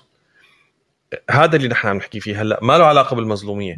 الظالم موجود ومعروف الطاغي موجود ومعروف آه، ما في داعي نقعد نكتب كتب يعني انكتب من 50 سنة كتب بس. فعفوا كمل اللي عم بتقول يا سيدي أنا ممكن أطرح وجهة نظر بهالقصة. آه، هلأ العدالة العقابية ما بظنها مجدية بصراحة نوعا ما. يعني إنه بدنا نهدم هدول وبدنا نحرق هدول وبدنا هدول نسحلهم وهدول نحبسهم. يعني احتمال بس هذا شرطه الموضوعي للتحقق حتى بعد الحرب العالمية الثانية يعني. يعني قديش عدد اللي تحاكموا بالاخير بنعدوا يعني معدودين أمام أمام ألمانيا النازية كلها كانت يعني أغلبها. فأنا رأيي مفهوم العدالة العقابية هذا بده مختصين وما برأيي الحل كمجتمع فيه آه، بهذا الاتجاه. وأنا يعني كحدا بيشتغل بالحقل الثقافي أو ما بيعني لي كثير هذا الكلام. أنا ممكن أطرح مفهوم بصراحه آه، ممكن نسميه الموت المعنوي. يعني نحن ممكن نعمل عقوبة أهم برأيي هي الموت المعنوي. يعني ليش نحن بدنا نموته لفلان أو ننهي حياته؟ يعني أصلا عقوبة الإعدام نفسها هي إشكالية فلسفيا وفكريا. وكثير ناس انعدموا بمراحل معينة. نحن بنعرف إنه هن هلأ من رموز المعرفة رموز يعني التنوير. طبعا. طبعا. فيعني عقوبه الإعدام بصراحة مشكوك بأمرها. يعني آه، خلينا نتفق إنه هي إشكالية. بس أنا اللي بآمن فيه فعلا آه، هو عقوبة الموت المعنوي. يعني نحن عن طريق المعرفة وعن طريق الفن إنه نحن لما بنعرف إنه فلان عمل هي الأشياء فلان هو اللي أمر بهي الأشياء فلان هون برأيي أهمية الفن وأهمية السينما التسجيلية تحديدا والسينما الوثائقية حتى أو الروائية يعني بتعدد الاتجاهات. آه، يعني هون بهي الحالة بتصير من أهم وأقوى الوسائل طبعا الفوتوغرافيا الصورة اللوحه التشكيليه السينما ولكن شوي السينما لها مكانة خاصة لأنه هي بتتعامل بشكل لصيق مع الوثيقة. يعني هي مانا تأويلية مانا إنه لوحة انطباعية أو عن احساسي تجاه الحرب أو صح صح صح. لا أنا عم بحكي عن حدث حصل بتاريخ كذا يوم كذا وهذا فيلم ساعة ونص عنه. تفضل. فأنا هون برأيي إنه نحن لما بنبلش بهذا النوع من المعارك معارك. هون أنا برأيي بنرجع لجوهر المشكلة. جوهر المشكلة مو إنه الشعوب ما تتحارب بين بعضها هذا صعب إنه ما يحصل. بس برأيي نحن نوعية المعارك اللي عم نختارها هي المشكلة. مم. يعني نحن نفوت بمعارك مادية بمعارك طاحنة بمعارك إلغائية. نحن لازم برأيي نتطور لمحل نعمل معارك فكرية. نعمل معارك سياسية. اختلف أنا وفلان أو سين أو عين فكريا للعظم يعني ما ما بنلتقي ابدا مهبرين بعض فكريا بس انسانيا متفقين انسانيا نأكل من نفس الصحن. بثق إنه ما راح يحط لي سم بالصحن وبثق إنه ما راح أنا أحط له. يعني بمعنى هذا برأيي التطور اللي ممكن يحصل. آه، إنه نحن آه، نوسع دائرة المعارك. المعارك البدائية هي المعارك اللي عم نعيشها. الإلغائية اللي بتآمن بالتصفية المادية بتآمن بإلغاء الآخر. آه، حتى إذا بدك تكون مع بشار الأسد تفضل كون معه. بس كون معه فكريا. بدك تنتخبه روح انتخبه. بس مو ما في داعي تورجينا الدبكة على الأول وكأنك عم تشمت بالناس اللي انقتلت تحت التعذيب وال ما في داعي تروح أه تورجيني إنك باخش إصبعتك وبالدم عم هلأ آه، يمكن آه، أنا هون حتى هذا الموضوع ومره ثانية يعني بحب دائما كرر وأعيد لكل الناس اللي عم تسمع وتشوف إنه هذا ما له علاقة بالمظلومية يا جماعة. نحن عم نحكي هلأ على الناس كيف عم عم تتعامل مع الشيء اللي عم بيصير والاستقطاب اللي صاير بالمجتمع الخ أنا أعتقد إنه نحن كنا مثل ما حكينا ببدايه الحلقة كنا بوضع غير طبيعي لفترة هلأ وصلت ل 51 سنة. وبصراحة الفترة اللي قبلها ما كانت كتير صحية كمان يعني لحتى ما نقعد نبرئ يعني اجمالا الوضع العام ما كان كتير صحي فبالتالي كل شيء عم نشوفه اليوم سواء من آه، الاستقطاب المستميت يعني في ناس هذا تبع اللي خلص أنا بيعمل تاتو على جسمه بشار الأسد يعني عرفت كيف؟ أو أو حتى الناس يلي آه، إذا بتحكي كلمة على إردوغان مثلا يمكن يعمل لك مشكلة. يعني تاكل قتله بالشارع لأنك بتركيا بإسطنبول مثلا إنك حكيت كلمة على إردوغان. من واحد سوري لهلأ ما معه اوراق كملك يعني عرفت شلون؟ يعني ما دخل. هذا كله نتيجة المستشفى المجانين اللي كنا عايشين فيها لمدة 50 سنة. واحدة نحن كلياتنا بحاجة لإعادة تأهيل. فبالتالي اليوم كتير ناس آه، بتاخذ مواقف كتير هيك شوي. أنا بحسها أنها اكستريم لما بتقول هدول اللي جوا كلهم. لأنه هن شافوا اثنين ثلاثة عم يدبكوا وشافوا مدري شو. أخي أنا ما بدي أقول لك خلينا بس نكون حتى نحدد الأمور بشكل واضح. المجرم مجرم. المجرم اللي أجرم بحق الناس اعتدى على العالم قتل سرق قام حط مدري شو. هدول الناس لازم تتم محاكمتهم ومن هلأ عم عم أقول نظرا للتاريخ إذا بنرجع للتاريخ اللي حيتحاكموا منهم قلة قليلة والقصة رح تروح فاطة. يعني عم نحكي. ما بعتقد في عنا خيار تاني غير نتواصل ونحكي مع بعض. ومثل ما أنت حكيت حروبنا تنتقل من الإقصاء والإلغاء للحروب للحروب الفكرية. يعني أنا بعتقد ال ال الستيغما أو ال آه، خلينا نقول الستين أو هي الوصمة يلي انحطت على الألمان الشعب الألماني ها يعني بسبب النازية. يعني وهذا الشيء ناتج مو عن الحرب العالمية كنتائج عسكرية مباشرة لا السينما. السينما والإعلام يلي يضل يضخ يضخ يضخ يضخ يضخ يضخ. لهلا الألمان بأوروبا مو محبوبين.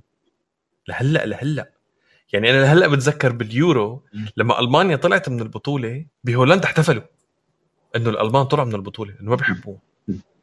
فهذا اللي عم نحكي. لما بتمارس الحرب الفكرية بطريقة ماني عم أقول طبعا إنه بالنهاية تؤدي للكراهية بس أنا عم أقول إنه هي سلاح كمان فظيع سلاح مرعب ويتم تناقل نتائجه لأجيال أجيال وأجيال وأجيال. ف آه، أنا معك طبعا بهذا موضوع موضوع العدالة وإنه موضوع العدالة العقابية هي ما بعتقد إنه إنه مجدية ابدا بأي شكل من الأشكال. آه، آه، هلأ بما إنه كنا عم نحكي عن الفن وقديش الفن هو سلاح خلينا نحكي عن الفن والمجتمع لأنه نحن عنا شوي بمجتمعنا عنا هاي النظرة إنه الفن نخبوي وقاعد هيك بالبرج العاجي تبعه. اتركهم أخي هدول فنانين شو عرفنا بدنا ناس مثلنا بدنا عالم هيك تحكي مثلنا. ففي فكرة مغلوطة عند الجمهور وفي فكرة مغلوطة عند عند الفنانين. ما بدي أقول مع أنا ما عم عم بحكي هيك بشكل مبسط. ما عم أقول مو الكل طبعا لا هون ولا هون بس حكيت أنا وياك على فكرة إنه هل الفن للجميع لكل الناس؟ يعني لازم الفن اللي ينعمل يروح لكل العالم ولا هو في فعلا فن نخبوي لازم يكون نخبوي؟ شو رأيك؟ والله آه، يعني أنا بشوف القصة متعددة المهام آه، الفن عملية معقدة أنا برأيي تكاد تختصر المنجز البشري كله. يعني المنجز البشري كله أنا ممكن أختصره بالمعرفة والفن.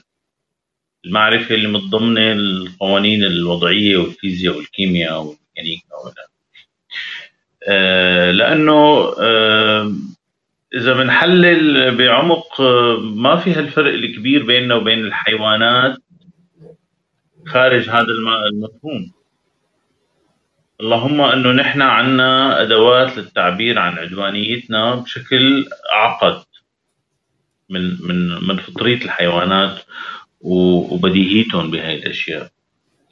ف آه، آلية التصعيد نفسها اللي هي برأيي جوهر الفن آه، ومنجزات علم النفس كمان لما حكي عن التصعيد برأيي يعني هذا من أهم المفاهيم اللي اللي نورت شو هو علم النفس الحديث آه، اللي هو تحويل البنية الغريزية الأولية أو الطاقة الحيوية الأولية أو اللي يسموها الليبيدو في فتره من الفترات آه، تحويلها لمنتج أسمى. يعني بيقول لك أنا ممكن لاحظ إنه هالكلب حزين وفي حزن بعيونه مثلا بحس فيه وبحس فيني. بس ما ما عنده الملكه الكافيه إنه يقوم ينوط موسيقى هالكلب ليعبر عن هاي الحالة. هي ملكة صح. بشرية. آه. ملكة بشرية. وأنا رأيي لما نحن اتخذنا موقف فوقي جذرا من الحيوانات على فكرة. يعني جوهر الأزمة الإنسانية برأيي هي النظرة للحيوان. وهي اضطهاد الجانب الحيواني اللي بشخصيته هذا الاضطهاد عم بيخلي آه هو جوهر العنصرية حتى. والدليل على هالشيء انت شوف كل الشعوب اللي بتمارس عنصرية تجاه شعوب ثانية سرعان ما بيوصفوهم بالحيوانات. صحيح. بدغري بيحطهم بمقام الحيوانات. فإذا جذر العملية إنه نحن كيف بننظر فعلا للحيوانات هذا الجانب الحيواني أمام اعلاء قيمة التفكير والعقل وإلى آخره. ف آه، يعني أنا ميال لفهم شيء اسمه الظاهرة البشرية. آه، نحن نفهم حالنا كظاهرة على الأرض موجودة كائن تطور دماغه كثير. آه، فات بمنافسه بنفس النوع نفسه ضمن الدماغ نفسه. مشان هيك نحن كثير نضطهد بعض دماغيا إذا صح التعبير. والمجانين والمساطيل والهي كلها نوع من التصنيفات يلي بترضينا تشبع غرورنا البشري إنه فلان اخوت فلان مجنون فلان غبي سطحي كذا مدري شو. آه، بالعمق هي كلها نابعة من نوع من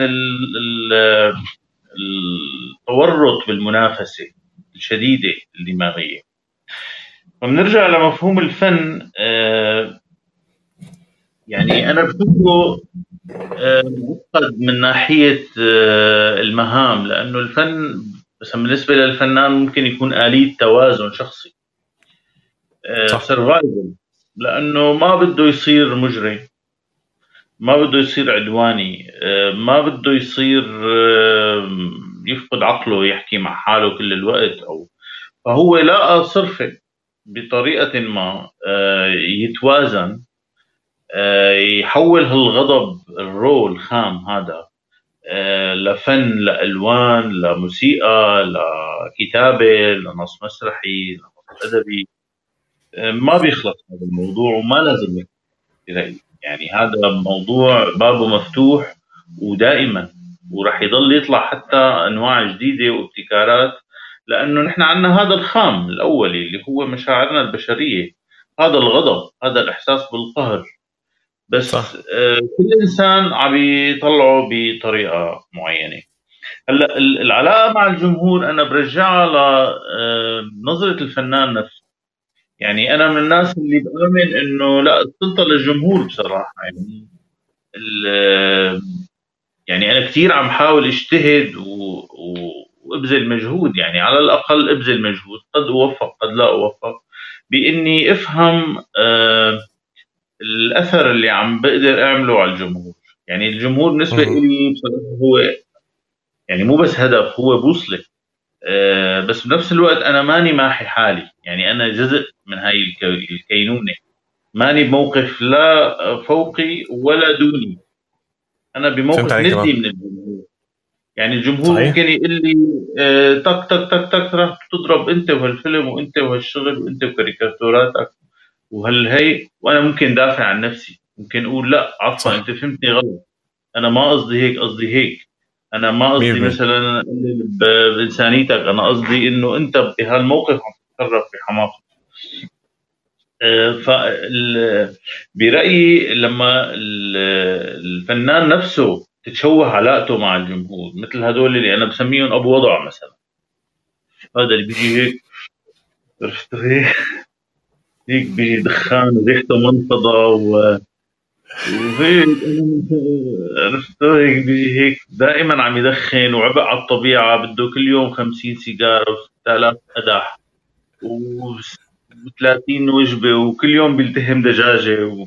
وبالاخير هيك بقول لك أنا أنا والله من ست شهور عم حاول اكتب ما عم بقدر آه هيك وبيجي بلغم وكذا.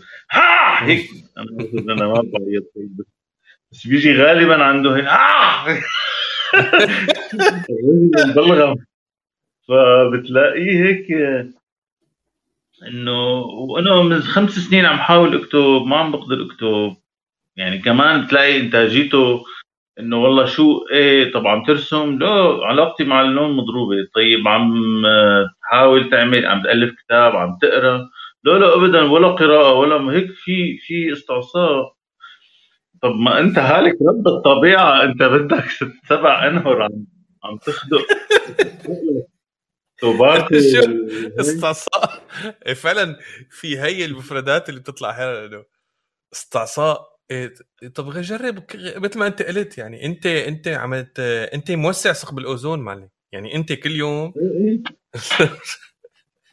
الطبيعه يعني شو تتواصل معك؟ يعني أنا ولموش آه، بنحكي إنه ليكي والله له وضعه ها. كثير له وضعه يعني هي أو نسبة له وضعين. قديش عندك له وضعين بالدم مثلا؟ 90 عاليه كثير هلا يعني هو مفهوم يعني آه، أنا كثير بقدر المساحة الشخصية فعلا آه، خصوصية كل فنان المخاض اللي بيعيشه بس آه، ابدا ما بغفر فكرة مثل ربط الفن بالكسل. يعني هذا هذا هي ابدا. هي, هي هي الصورة النمطية الرومانسية. حكينا عنها بال... بيطقطق مع أكثر من فنان اجتمعنا فيه وحكينا عن هي الصورة النمطية نحن عنا تبع هذا الفنان مثل ما أنت قلت اللي ما بيصحى دائما سكران ودائما عم يدخن أو عم يحشش وما بعرف شو. وبعدين هيك وقت اللي بيصحى نص ساعة بالنهار بيكتب معلقة مثلا بتقوم بتضل شو ويخر لجنة الحكم ساجدون والعالم كلياتها وبتنطبع المعلقة وبتنتشر. بعدين فجأة بيطلع من القرنة اللي هي فيها بصير كتير غني لأنه هو باعها بتريليون دولار.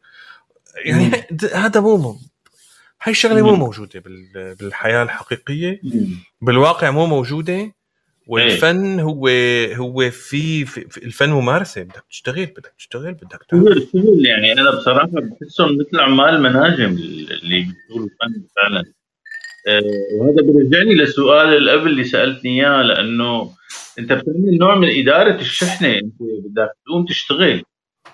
أنت لما بتقول أنا بشتغل بالفن ما بيعني إنك أنت يعني ما عندك شغل أو أو ما إنك مضغوط حتى بالشغل. آه، ممكن انت أنا مثلا شخصيا مشان هيك بتشعب يعني آه، بتخلص شحنتي تجاه اللوحة بنتقل للكاريكاتور آه، لأنه أنا بقوم الصبح طبعا مو دائما بقوم الصبح بقوم الصبح و... وعندي شغل عندي عمل بدي أعمله عندي مادة بدي أشوفها وعندي نص بدي أكتبه وعندي لوحة بدي أخلصها. وبرجع بقول لك الكاريكاتور مثلا أنا ليش غزير الإنتاج بالكاريكاتور؟ يعني عندي فعلا آلاف الأعمال ما عم بالغ عندنا خزانة بالبيت للكاريكاتور. أه بسبب إنه هو آلية توازن قديمة عندي. م. يعني آه، من عمر سبع سنين أنا برسم. أنا ب...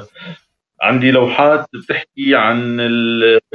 عن الازدواجية بالوش يعني جوا البيت وبرا البيت. آه عن المدرسة عن العنف عن ال... يعني في يبدو آه، شيء من من الطفولة آه، تكريس لأنه هي آلية توازن. آه، تكريس إنه هي مثل البالانس السريع. يعني عندي إحساس مكتظ باتجاه حالة معينة دغري.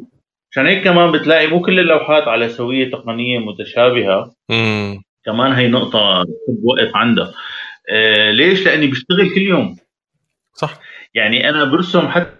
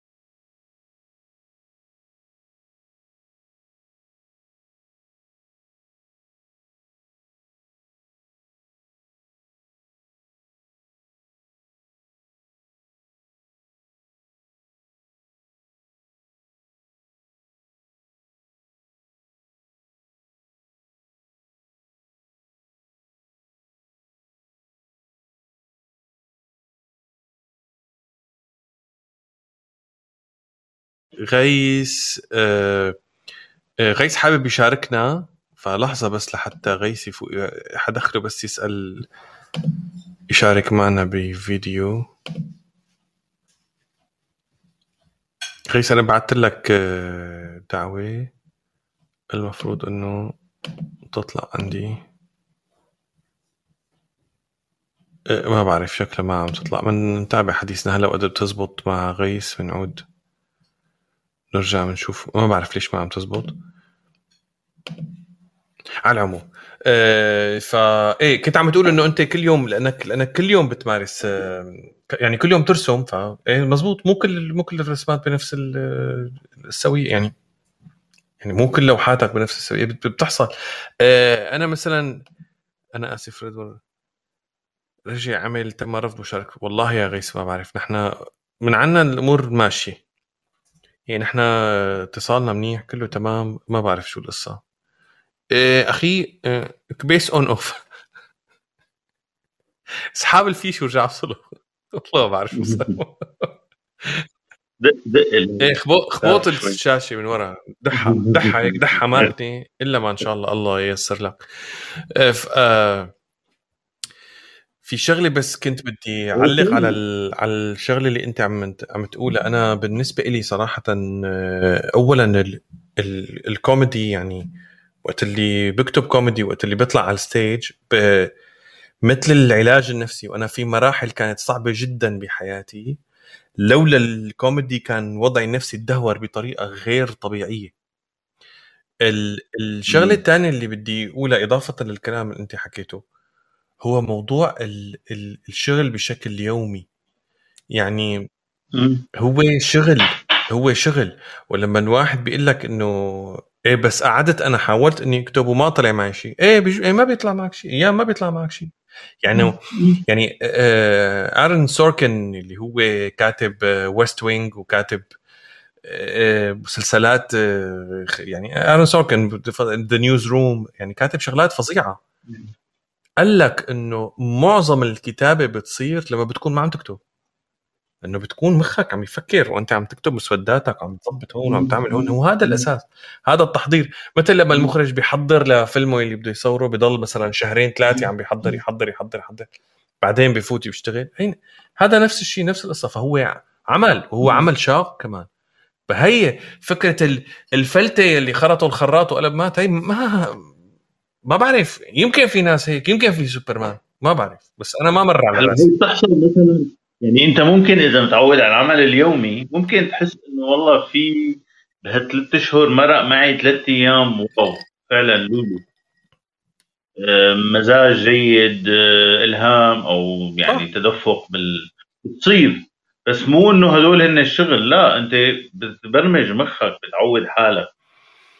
إنه هذا العمل هو يعني أنا إذا بورجيك غرفتي هلأ ثلاث أماكن عمل ملتهبة فعليا. بؤرة المونتاج هون هونيك عم بعمل animation للفيلم اللي عم بشتغله من ثلاث أربع سنين وهون على الطاولة عم برسم كاريكاتور.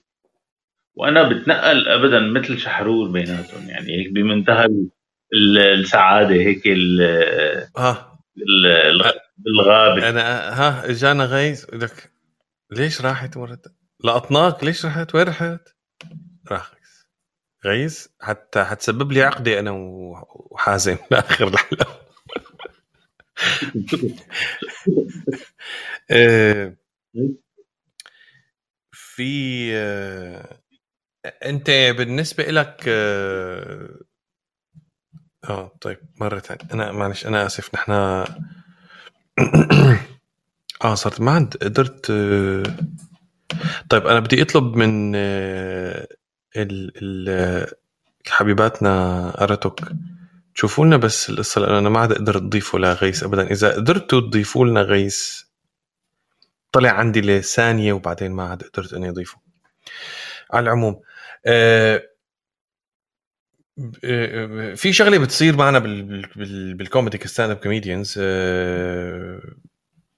في شيء أساسي إنه أنت مو بس ال ال في اندماج معلش خليني عفوا أنا آسف بس لحتى ظبط الفكرة. في اندماج فظيع ما بين المنتج النهائي والتطوير. ليش؟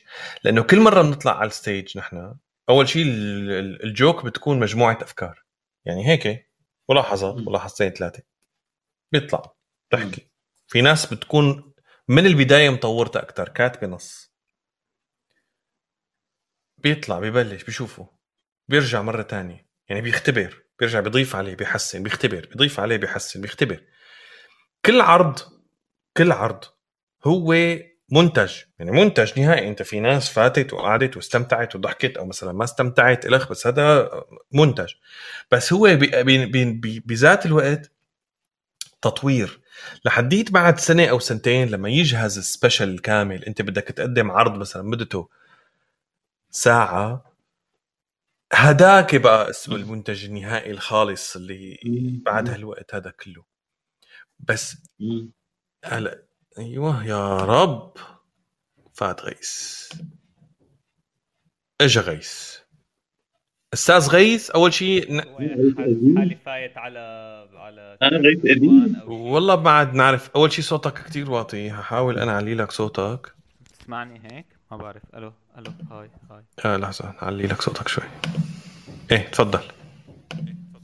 إيه إيه. شو هالقصة؟ طلع لازم سكر آه، المتصفح تبعي من غير محل. أنا أنت. كمان المتصفح تبعك هذا ش- شكلك شاريه من مضايا. لا بس هو الاراتوك بيشتغل على جوجل كروم أحسن من آه، من غير شغلات إيه نحن أخينا عنا عنا أساليبنا الملتوية غير مو مثل ال... أول شيء نعيمة. شو هالحلقه الحلوه معلم شو هال- نعيمة. ثانك يو اليوم والله حلقت. شايف شايف ما أحلام. لا لا كثير تسوق فيها خلص. غيث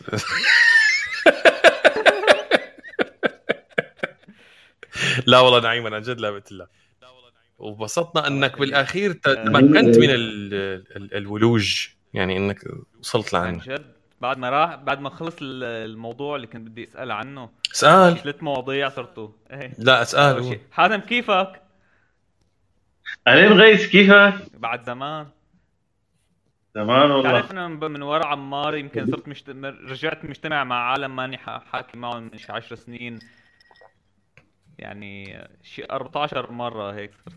والله أنا أنا مبسوط كنانة بهالقصه كيفك؟ صار لي مدري قديش ماني شايفك. هاي آه، سواح صار لي مدري؟ ماني شايفه. أيوه عمر سواح وكنانة وبيسان و... إيه يعني إيه أم رؤوم أم رؤوم. إيه إيه 100% لا فاتح آه، خطابة على شوي.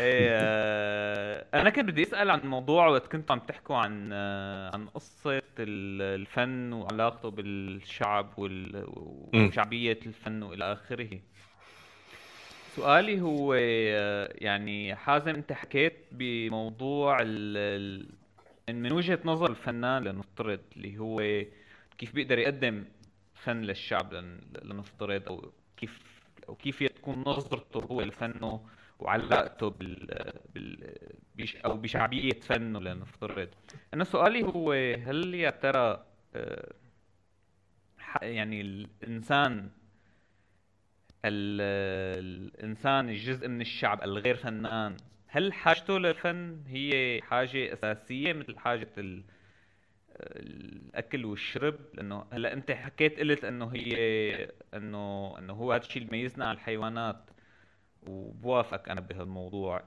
أه، بس أه، يعني نحن عنا دائما بشوف إنه مثلا بمجتمعاتنا اللي نحن دوب دوب الإنسان لاحق أه، لاحق لقمته لاحق أساسيات الحياة الفن هو حالة ثانوية.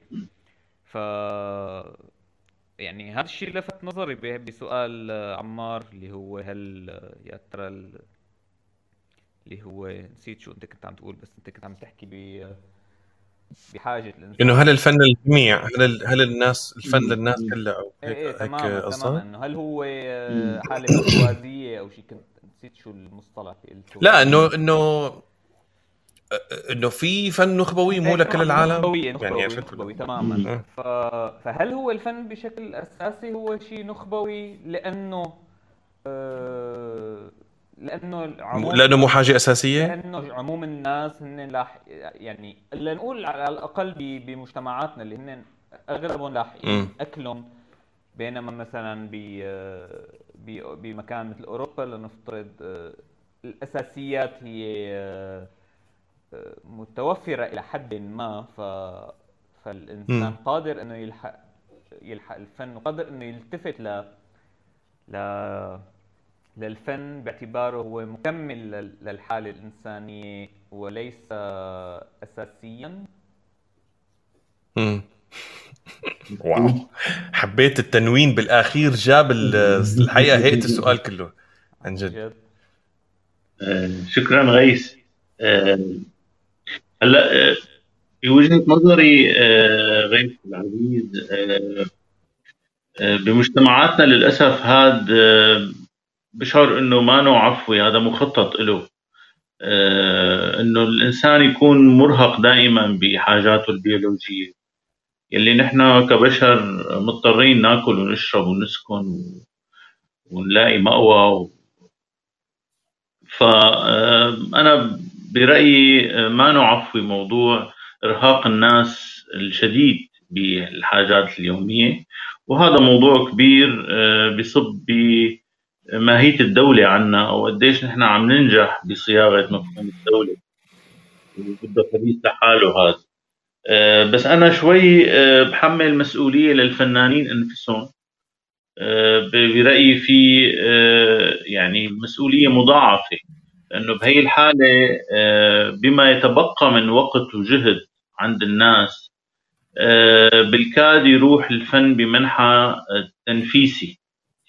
ونحن كسوريين كثير نفهمها هي الحالة. يعني كنا نتنفس مثلا بمرايا كنا نتنفس بعدين اشياء ثانية يعني الضوء آه، بس هذا برأيي جزء من الحل أو جزء من المطلوب ماني ضده مرحليا لأنه كمان آه، آه، في في مهمة مو بس تنويرية للفن في إنسان في ضحك في فكاهة في حاجة الناس إنها تستمتع بالحياة إنها تروح تقعد مع أصحابها وتضحك. آه، آه، بس أنا رأيي المشكلة بتكون لما بيكتفي الفنان بهذا الدور. يعني آه، شوف إذا أنت قدرت تعمل هي المرحلة ممتازة ولكن لا تكتفي بهذا الشيء لأنه هذا بيعمل برايي نوع من التواطؤ الخفي مع السلطة. إنه خلص أنت مستفيدة بهالشيء وأنا مستفيد من هالشيء. أنا آخذ هي المكانة البلد بالفضول وأنت قاعدة عم الصيغة العامة للمجتمع. فأنا برأيي آه، هذا بيظلم آه، الفن نفسه. وبيكون الفنان آه، حد من دوره. يعني هون إذا بدي أتعمق أكثر مثلا بالمسرح البريختي. يعني مثلا بيختلفوا مع المسرح الأرسطي بإنه أنتم كثير بتفوتوا الناس بلعبة الإيهام لحتى ترتاح وتبكي وال... يعني اللي بيدرسوا مسرح بيعرفوها هي القصة آه، بس أنا بدي وعيه للمتلقي. أنا ما بدي اطلعك مدمع عيونك وزعلان على البطل كيف انتهى ومدري شو. لا أنا بدي إياك تطلع ومقتنع إنه لازم نعمل مظاهرة. لازم إذا سمعنا إنه في مره انقتلت نقوم نسكر الشوارع. نقوم نخربها فوقاني تحتاني هي بالنسبة إلي مثلا بتكون أهم من من لقمة العيش نفسها. أهم من إنه شعار كبير ويسقط النظام وهي لا يسقط نظامنا الذكوري قبل ما يسقط النظام السياسي. يعني أنا بشوف هذا اللي نربط الأفكار ببعضها هذا اللي نحن فعلا بحاجته. آه يعني ما نكتفي بالتنفيذ. بس مو كل شيء مو كل شيء. كمل. إذا أنت مسكت الخيط كمل. آه احترم وعيه للمتلقي. آه، وأنا هذا اللي تعلمته بصراحة بالفترة الماضية إنه لا تستخف بوعي أبسط الناس. آه، بالبادية قد يفاجئك إنه حافظ ألف بيت شعر أنت ما قدران تحفظ واحد منه. صح. آه، وأنا برأيي هي من الأشياء اللي علمتني إياها الحراك السوري الثورة السورية. خلاني أعيد قراءة هدول الناس أعرف قديش آه، كنت غلط بمحلات معينة. كنا نفكر إيه أنا دارس فنون ومدري شو ليك هذا فلان آه، من ريف مدري وين بتكتشف إنه هذا أصدق منك أشجع منك عم يكتب شعار من قلبه عم يكتب غنية من قلبه. بيعلمك دروس بصراحة حتى بالفن يعني نفسه. صحيح. آه، يعني أنا بس بدعو إنه الفنان لا يقلل بقيمة دوره بالحياة ما يكتفي بالتنفيس يكمل انت مسكت الخيط مع متلقي يكمل احترم وعيه ونوصل لموقف. يعني أنا هذا اللي بحب أوصل له وبرجع لقضية المرأة. آه نوصل لموقف. لابد من إنه نتخذ موقف. لابد من إنه ندفع ثمن كمان. يعني ما بعرف حياة شو بتقدم لي اختبارات بس أنا بحس إنه آه في سبيل قضية مثل المرأة يعني مو مشان عيون الخضر ولا خصر النحي لا قضية المرأة آه، ممكن الرجال يموتوا. جد يعني نحن لازم نوصل لمحل نقول لا لهالمنظومة هذا الأب اللي عم يمارس عنف أو الزوج أو شيء. آه تفضل يعني سيفك وسيفي وبدنا نحارب على هالفكرة. طبعا قد ما راحت الحروب فكرية هذا هذا صحي أكثر بس أنا رأيي ما لازم نهرب من المسؤولية ما لازم نهرب من دفع الدم. تمام.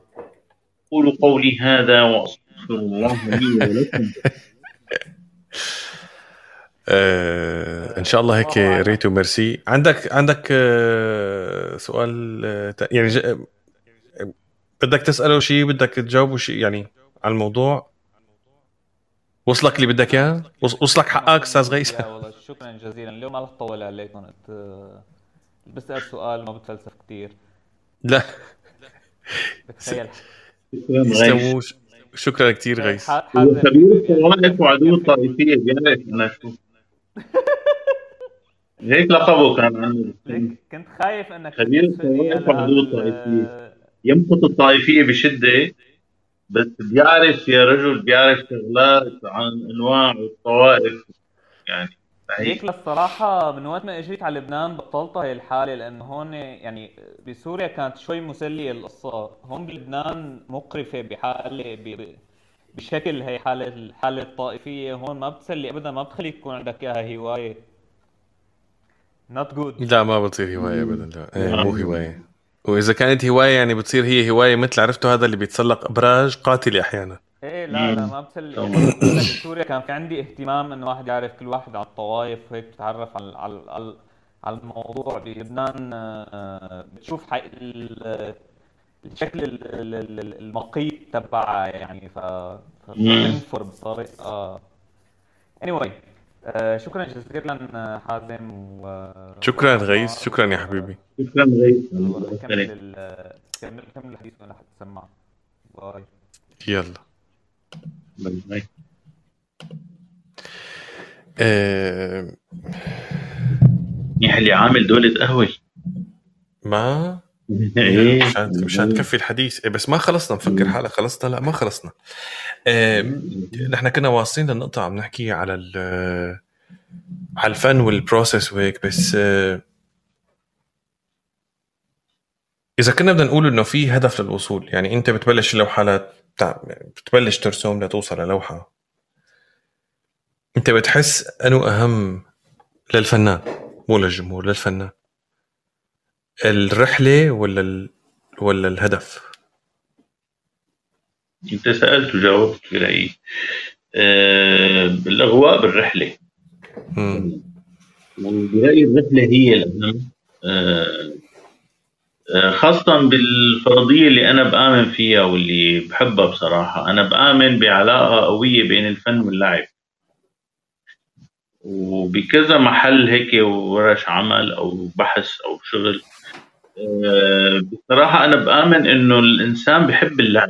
آه، طبعا والفنانين بطريقة من الطرق يمكن هن ناس عندهم احتجاج إنه ما بدنا نوقف لعب تماما. آه، الحياة عم تجبرنا نصير كبار ما كتير بدنا نكبر. بدنا نضل عم نلعب بدنا نضل عم هلا كل مين بقى باتجاهه؟ اللي بيروحوا تمثيل وفنون أدائية وهيك آه، بيحبوا يضلوا عم يلعبوا ويقلدوا ويعملوا أصوات ويعملوا يضحكوا رفقاتهم وكذا. اللي بيروحوا فنون تشكيلية وبصرية بتلاقي بدهم يلعبوا بالألوان.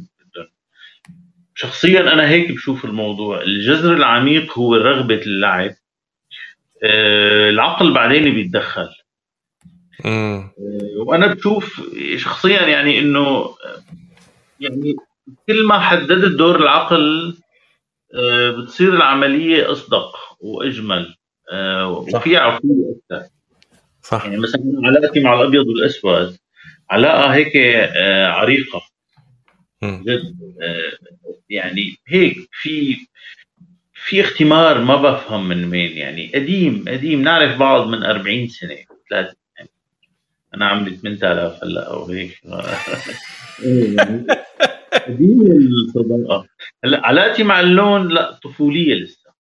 يعني أنا ما بنكر هذا الشيء أه ببحثي مع اللوحة التشكيلية بشعر بهذا الشيء مع إني أنا دارس تصوير زيتي بس ما خص علاقتي مع اللون لهلأ بيسيطر عليها رغبة اللعب آه، إحساس إنه هذا لون ياي ما أحلى باكله ولا برسم فيه؟ لا لا لا برسم فيه.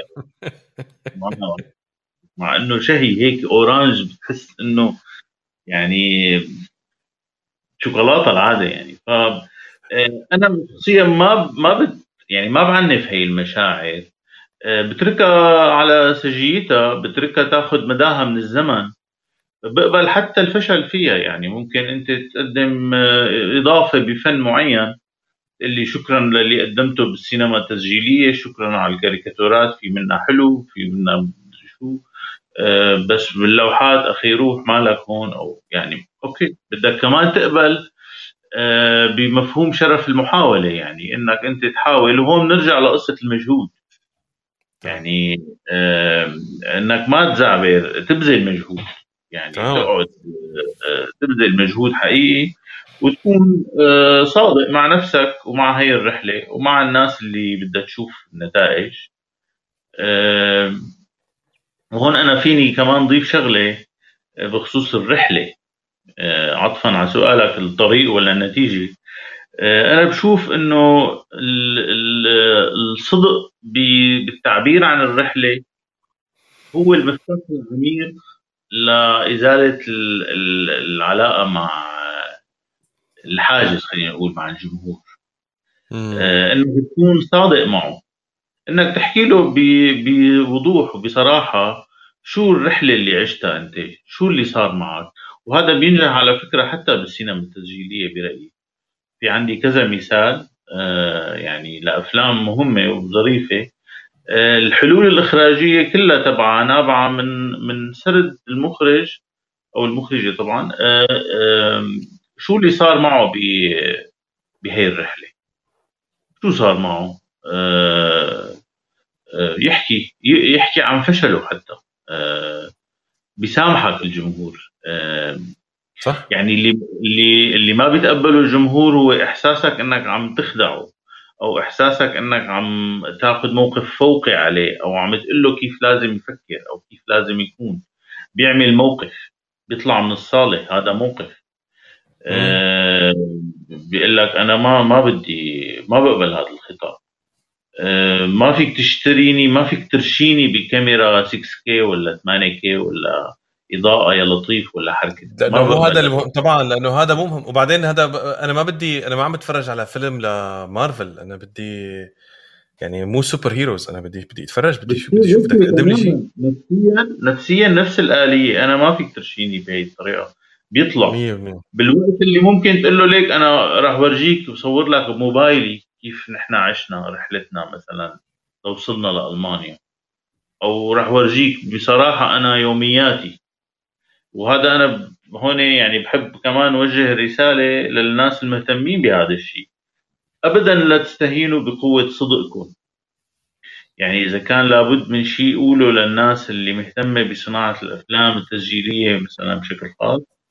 أه صدقكم هو هو الأداة الأهم.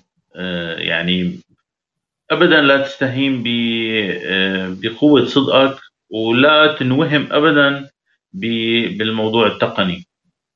آه، خذ الصورة والصوت على محمل الجد والمتلقي رح يعرف إنك أنت اخذهم على محمل الجد. إنه أنا بموبايلي البسيط مثلا عم حاول آخذ لك أفضل آه، كادر ممكن. عم حاول أحط إحساسي بالجمال. آه، عم بحترم إنه الصوت يكون واضح. عم بحترم إنه كلامي يكون مسموع ومفهوم. بس ما مشكلة ابدا إذا الميكروفون مانو brand أو مانو خرافي هذا الموضوع برأيي هو جوهر القصة. هو من هون البداية الصح.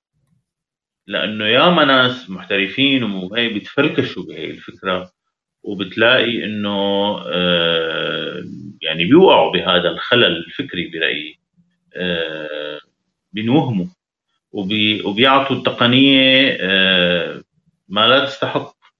يعني تمام. التقنية هي بالأخير أداة مهمة ولكن من دون الصدق بالحالة ما لا قيمة. 100% 100% أه، أنت بتحس إنه نحن ك خلينا نقول فنانين عرب عايشين بأوروبا هل بتعتقد إنه حنعمل فن عربي بأوروبا؟ يعني هل نهضة أو يعني هل من الممكن نساهم ايجابيا؟ ما بدي أقول نهضة وأحكي كلمات كبيرة. هل حنساهم ايجابيا بالفن العربي عموما لأنه صار عندنا مساحة إضافية بأوروبا؟ والله أنا بشوفه هذا تحدي قدامنا. مم. تحدي حقيقي وبده بده كمان نرجع لمجهود. بده مجهود كبير لأنه آه، الخوف من الحرية موضوع ثاني وبده معالجه آه، يعني آه، نحن هون صح إنه بنطلع لبيئه فيها حرية إلى حد بعيد. في نوع ثاني من المحاذير على فكرة يعني مشان كمان الناس ما تنوهم إنه ما في إيه، إيه، إيه، طبعا طبعا لا مطلقة ولا قريبة من هالشيء صحيح. آه بس برأيي من من من أصعب الأشياء إنه أول شغلة بتنكشف عيوب التصنيع. يعني ببين إنه هاي القطعة عم تزرب ببين إنه هذا الإنسان جزء منه منيح مضروب مضروب بظهره هذا. آكل قتل شبعان آكل عصي. أه بصراحة يعني أنا بالحياة اليومية بعاني من هذا الشيء. أه بعاني من من شرش الجحشنة اللي اللي آه، بيضرب فيك بيطلع من أذنيك واللي مثلا سببه زواج الأقارب. بتحس مخك هيك يعني أبطأ. صاحب محلات ممكن تحس حالك إنه عندك إبداع أو عندك بس بتجي مثلا بدك تتعلم لغة بتحس هيك تشوف الدنيا دوائر تشوف الدنيا بالأحمر هيك. يعني آه، يا ما إحنا نتعلم اللغة قدام شغلات ثانية يعني الخوض بالحياة اليومية يعني هو يا لطيف. يا لطيف عن جد؟ وخاصة أنك أنت بتصير فجأة مع هذا الإنسان يلي مو آكل ولا زورة بحياته تقريبا. مو كف كف بيخرب الدنيا بي بي بي بيقيل وزارة يا زلمة بتقام الدنيا وما بتقعد شو عم تحكي. طبعا. إيه؟ أنا أنا بتد... أنا أنا أدهشتني وقت اللي أول ما جيت على على اوروبا يعني أدهشني قديش المجتمع ما في عنف ما بتشوف مظاهر عنفية. يعني هذا مدهش هذا الحكي. مالي عم أقول إنه مجتمع مثالي مجتمع فيه مليون عيب ما هذا اللي عم أقوله. بس العنف العنف عم بحكي عن مفهوم أنا هذا العنف العنف الجسدي الفيزيكال ما موجود. إيه إلى حد بعيد. هلا في ناس تقول لا حتى موجود آه، بس مخفي. أه بس أنا رأيي إذا بدنا نحكي بعمق أه وهذا اللي أنا عم عالجه بصراحة بفيلمي القادم الطويل. عم بشتغل عليه من ثلاث أربع سنين وفيه رسوم متحركة وعم بيشتغلوا بال... بال... بالإيد frame frame يعني أحيانا. امم wow. برأيي إنه اللي توصلت له أنا إنه نحن أمام نوعين مختلفين من العنف وهذا اللي نحن هلأ عم عم نعاني منه. آه، يعني غالبا راح أقول اسم الفيلم القادم يعني هو قدم هنا قدم هناك. يعني آه نحن عن جد عم نعيش آه بطريقة آه، رجل هون رجل هنيك. عم نكتشف نوعين مختلفين من العنف ما بيشبهوا بعض. آه، وهلأ رح أوصف العنف اللي هون يعني هلأ عنف بلادنا يعني مفهوم معروف. وعنف آه، مادي وعنف هش يعني بالمعنى البدائي يعني آه، بدائي فعلا بدائي. هي هي الكلمة اللي جدا بتوصف من من غرفة نومك بيقتلوك على الطريق وبيقتلوك جوا وبيحطوا صورك بعدين إنه هيك وعبره لمن يعتبر. يعني يعني شوي بتحس هيك يعني شوي في شيء قطيعي بال يعني. هون العنف برأيي أخبث. هون العنف ورثي. هون العنف أكثر شبح. آه، كيف المخابرات عنا المخبرين؟ هون المخبرين هن النظام المالي. النظام المالي بشكل أساسي ونظام السلطة الخفي.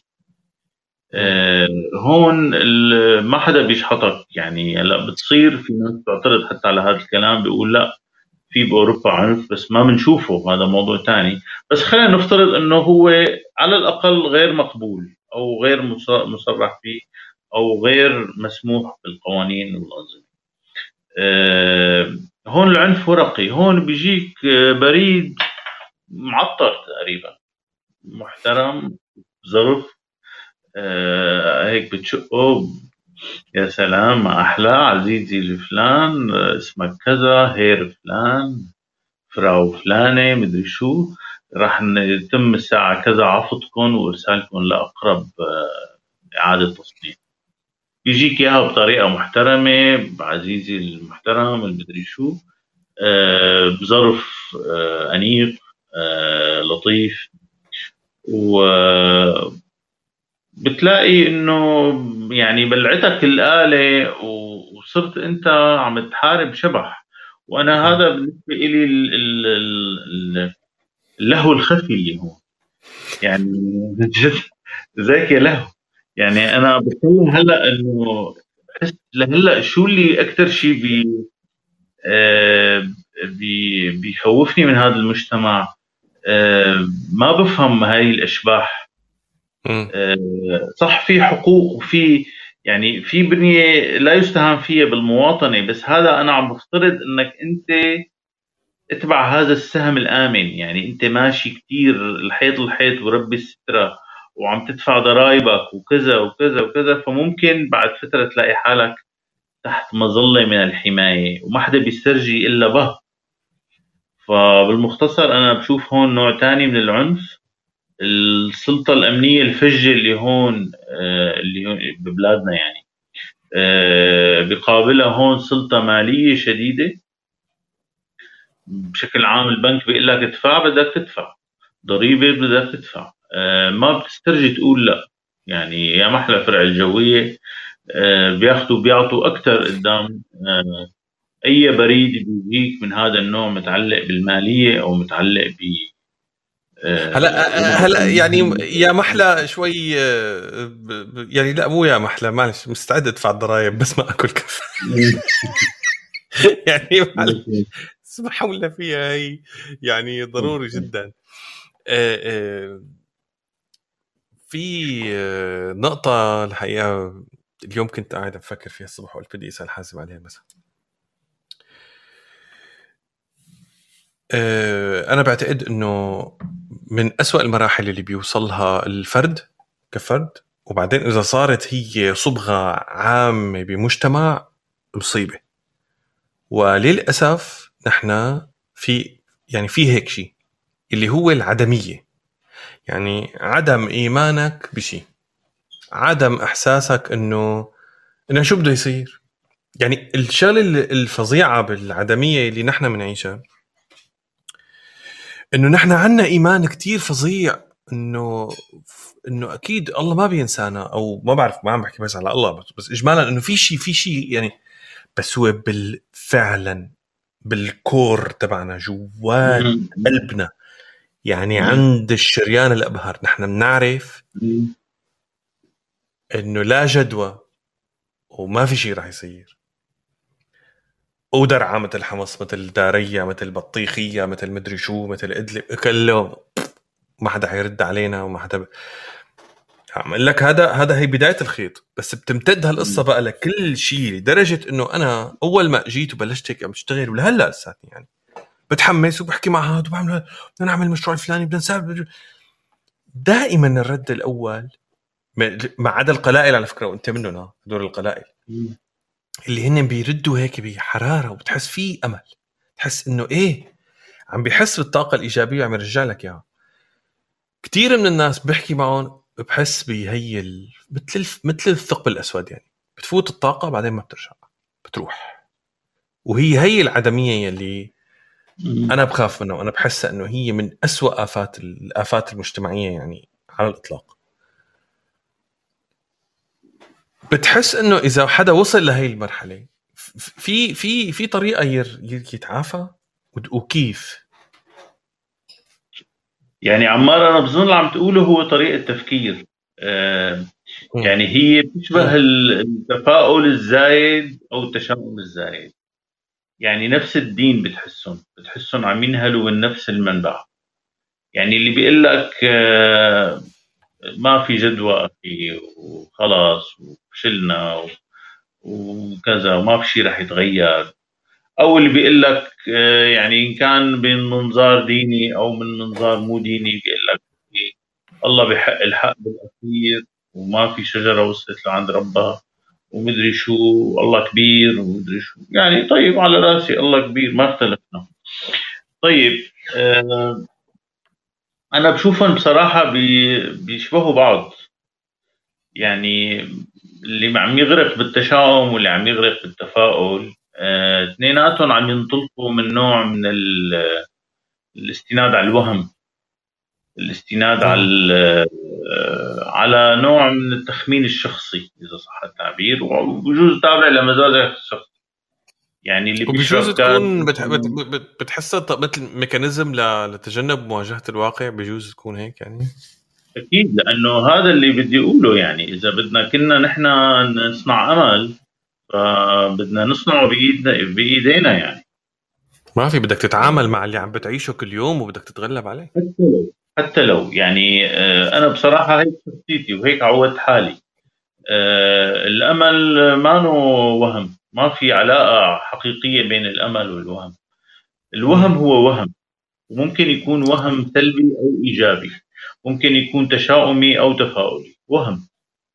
ممكن أنا أقول لك أخي غير رب ربك ما بيغير هي البلاد. وهذا تشاؤم. وبجوز بعد شوي آه اثنين يشربوا كاس يزهزوا يقول لك وحياتك لنرجع نظبط وراح ترجع مدري شو. نفسهم بعد ساعتين تحت تأثير البيرة والهيك. برأيي الاثنين عم ينهلوا من نفس المنبع. إذا نحن بدنا فعلا يعني نعمل شيء مفيد برأيي بدنا نصنع الأمل تبعنا صناعة بدنا نآمن. وهذا برجعني لسؤالك هل فينا نعمل فن هون؟ برأيي آه، حسب نوعية the quality of the treatment حسب نوعية المعالجة اللي بدنا نعملها. بصراحة يعني القصة ما بسيطة. مثل شركة عم تصنع تلفزيون بده ينافس سوني. فمو إنه يعني آه، يلا لا إذا أنت فعلا بدك تنافس بدك تدرس أهم الثغرات وتطورها آه، نوعية المعالجة. إذا نحن إنه كمان بتطلع هلأ مثلا بالمجتمع الغربي في كثير نوع من المعالجات الرديئة عم تطلع. يعني أبسطها موضوع مثلا البتر مع الجزور. في ناس مثلا خسرناهم يعني لأنه نحن بناكل شاورما لهلأ.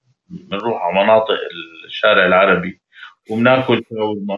وهذا سبب كافي إنه نحن نسقط من عينه ونعتبر إنه نحن ما اندمجنا فشلنا بالاندماج وما صرنا ألمان. ومحط احتقار ومحط دونية وبنخسرهم بكل رحابة صدر يعني. أنا بالنسبة لي يعني خسارة هيك ناس مكسب. آه ف آه أنا إذا. أنا إذا بتخيرني بين أي رفيق وسندوتش الشاورما طبعا بختار سندوتش الشاورما بس آخرتها يعني. ما يعني خاصة إذا مع دبس أو هيك. آه، يعني بالمعنى إنه أنا بس بنذهل بالهشاشة الفكرية يعني. إذا أنت هذا الحل بالنسبة لك أو الوجه الآخر يعني كمان بتلاقي ناس آه خلص يعني أسهل لها تشيطن هذا الشخص اللي قاعد بحضنه. بتلاقي رجع إنه هدول كفار وهدول ليك لا ما بيعرفوا الفضيلة وما بيعرفوا طب ما هن عم يطعموك ويشربوك صار لهم خمس سنين ما أنت عم تأخذ من أموال ضرائبهم. يعني في في هشاشة فكرية كمان. فهذا بنقومه لهداك من الناحيه الفكرية. يعني آه، كثير لصيقين ببعض. أنا تحليلي. إذا بدنا نشتغل آه، على الموضوع بدنا نعالج. بدنا بدنا نفوت بالتفاصيل. ما في حل. صح. آه، بدنا نوقف عند مكنوننا الثقافي. بدنا نقول يا عمي في قطعة تستاهل. عنا عادات ظريفة فعلا وعنا عادات لابد من تجاوزها ونحطها ورا ظهرنا.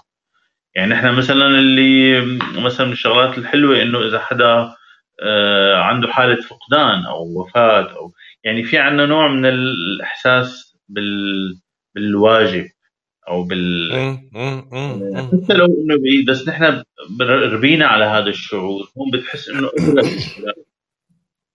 يعني أنا بس هي ضربتها كمثال الأشياء الحلوة نحافظ عليها. آه، في عندنا قيم آه، فعلا مهمة.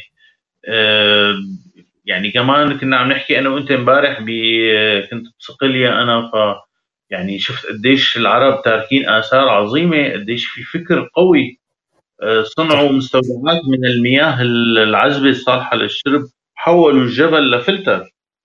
آه، فكرة عبقرية يعني بصراحة إنه هلأ هذا أنا ما بي ما بغذي ما بيفيدني بتغذية شوفينية مثلا بس هذا بيغذي لي النديه أنا ما بقبل حدا هلأ أكثر يوم بعد يوم يحطنا بخانة أقل انه نحن عرب أو لا هي حركة التاريخ. بس آه، ابدا ما بستهين بأي مكنون ثقافي. يعني يوم بعد يوم بكتشف إنه آه، لا ما بسمح لأنه الفوقية والدونية كثير بيشبهوا بعض وكثير رفقات. 100% 100% 100% ابدا. يعني الفوقية اللي بدك تمارسها على حدا لسه بدونية تجاه حدا ثاني آه لا الموقف الندي كثير أهم وأنضج. والموقف الندي بحس أنا إنه بيخليك آه، لما أنت بتاخذ هي الخطوة بتتعامل مع اللي حواليك فعلا كأنداد بتقوم بتزيل هذا الحاجز. يعني دائما أنت اللي بتجهله بتخاف منه بتخاف منه وبتفترض بتنشئ مجموعة من الافتراضات عنه. وبتقول مثل ما أنت حكيت مثلا هدول كفار الأوروبيين كلهم بخلا وسخين ما بتحمموا. في شغلات عجيبة بتسمع قصص غريبة عجيبة. بس وقت اللي بتكتشفهم بتروح لعندهم انت. سواء إذا كنت عم تسبهم أو عاملهم شوي تاني حتقلهم. بس تقرب منهم. بتكتشف إنه هن مثلنا. فيهم شغلات منيحة كتير وفيهم شغلات بشعة كتير. وما بينهما. بكل بساطة يعني.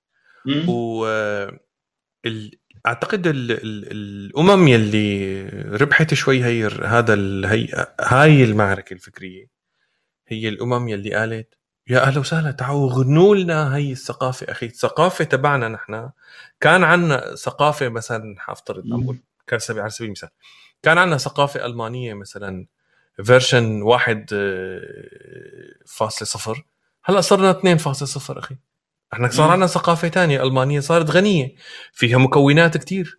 فيها البولندي وال والتركي والعربي وال والش بعرفني هي الامم اللي عن جد تطورت هي الإنكلوجن والتعارف وأهلا وسهلا تعال تفضل خلينا ما مشكلة بالعكس كثير حلو. لأنه على صعيد الأفراد أو المجتمعات لما بتحصل حالة من القوة بيرافقها حالة من الاسترخاء تجاه الآخر لأنه موجود. تمام. كل ما ضاقت مساحة الآخر عندك كل ما كان عندك أزمة هوية اكبر يعني آه، حتى نحن كثقافة عربية إسلامية أو اللي بدك تسميه وأنا بشك حتى أنها كانت إسلامية يعني هي عبارة عن تايتل على فكرة. يعني تتبعهم متأكد لا بيعرفوا ولا بيهمهم. يعني هي بس نوع من ليبلينج لابد منه. وفي فترة واضح أنه نحن كنا مسترخاين عندنا شعور آه، كافي بالقوة والاستقاء لدرجة أنه الآخر يكون شو ما بده. يعني بدك من من بدك تلحد الحد بدك تترجم. تفضل. بدك يعني في مساحة جديه وهي اللي نحن بنوصفها بالعصر الذهبي. وشوف هلأ حتى يعني أي دولة آه، توصف إنها قوية وعظيمة بتلاقي عندها هذا الهامش من المساحة. إنه تفضلوا مساحة آه، جديه وأنا رأيي هذا بيشبه الأفراد كمان. يعني الشخص م. كمان كل ما توقع على حاله كل ما آه، رفض الآخر كل ما صار متعجرف العكس صحيح. كل ما الأنا تبعه قويت من الداخل بيسترخي بيقبل الاختلاف بيقبل التنوع بيقبل إنه إيه في إيه بحبه لشخصه بس ما بتفق معه فكريا.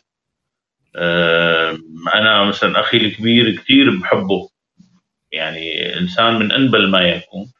آه بس فكريا إنه وياه ما كثير متفق أو ما بنتفق حتى يعني إنه عنده وجهة نظر بالحياة بالأشياء أوكي بختلف معه. بس أنا بركز على جوهره على آه، آه، مكنونه هو العميق يعني. وهذا أنا رأيي صحي يعني. آه، ما بيدل ابدا على يعني شيء آه، مشكله جوانيه أو على العكس تماما يعني كل ما استرخى الواحد تلاقي هي المساحة عنده الآخر بتوسع. وكنا عم نحكي عن فكرة اللي بدي أقولها إنه العنف يكمن بالإستسهال. آه، لما كنا عم نحكي عن آه، نوعية المعالجة إنه نحن هلأ امامنا تحديات. يعني أنا بشوف إنه نحن هلأ بفترة تعافي صحيح طويلة بس هي لابد منها. آه، الفترة اللي أنا بسميها الفترة الذهبية كمان للي بده ينظف الطاسة خاصة الرجال والذكور. فرصة يا جماعة. أنا رأيي فرصة ذهبية. لا لا تكابروا كثير نحن نقعنا بمجتمع عنيف وذكوري. ما بدها كثير لف ودوران القصة. فمو غلط. نحن ريحتنا زيت زيتون. طالعين من معصرة. فخلينا نحف حالنا منيح ونعرف إنه في روائح ثانية بالحياة في ريحة ياسمين في ريحة فاتمان في ريحة. ف آه، برأيي إنه فرصة ذهبية للي بده ينظف الطاسة وي ويعيد النظر بالمفاهيم. آه، لأنه يعني نجني ثمارها لاحقا. أنا هيك بشوف أنا على الأقل هيك شخصيتي. بشعر إنه نحن إذا مرينا بهي فترة التعافي آه، بلشنا يعني نبني شخصية من جديد بمفاهيم جديدة بأفكار أكثر تنوع أكثر غنى خلينا نقول. آه، رح يحسن نوعية المعالجة رح يصير كمان إنه كمان الغرب عنده آه، تجربة لا يستهان فيها. يعني أنا عم بحكي هلأ كمجتمع نحن هلا ممكن عليه عم نشوف يعني مثلا المرأة هون عاملة كثير مكتسبات مثلا. آه، المجتمع قوي جدا بهي الناحية. ألمانيا بتقودها امراه وبعصر ذهبي يعتبر بألمانيا. فهذا منجز. هذا منجز ما بيستغنوا عنه. وأنا رأيي نحن لازم نطمح ليوم آه، يكون عندنا رئيسة السيره طبعا مو سيدة الياسمين الله يعني أنا ما بصراحة ما قصدي شبهتنا بالياسمين بال... إيه بس لا إنه فعلا آه، ك كجندر نحن لازم نشتغل على هاي القصة. يعني كان عندنا منصب وزير الثقافة نوعا ما فخري وإنه وزيرة وكذا وثقافة بضابطه يعني. بس أنا رأيي لا لازم نتعمق أكثر بالموضوع و... ونتخيل لو إنه يوما ما يكون عندنا مجتمع آه، تقوده امرأة آه، برأيي هذا الموضوع آه، كثير رمزيته عالية وكثير أثره كبير.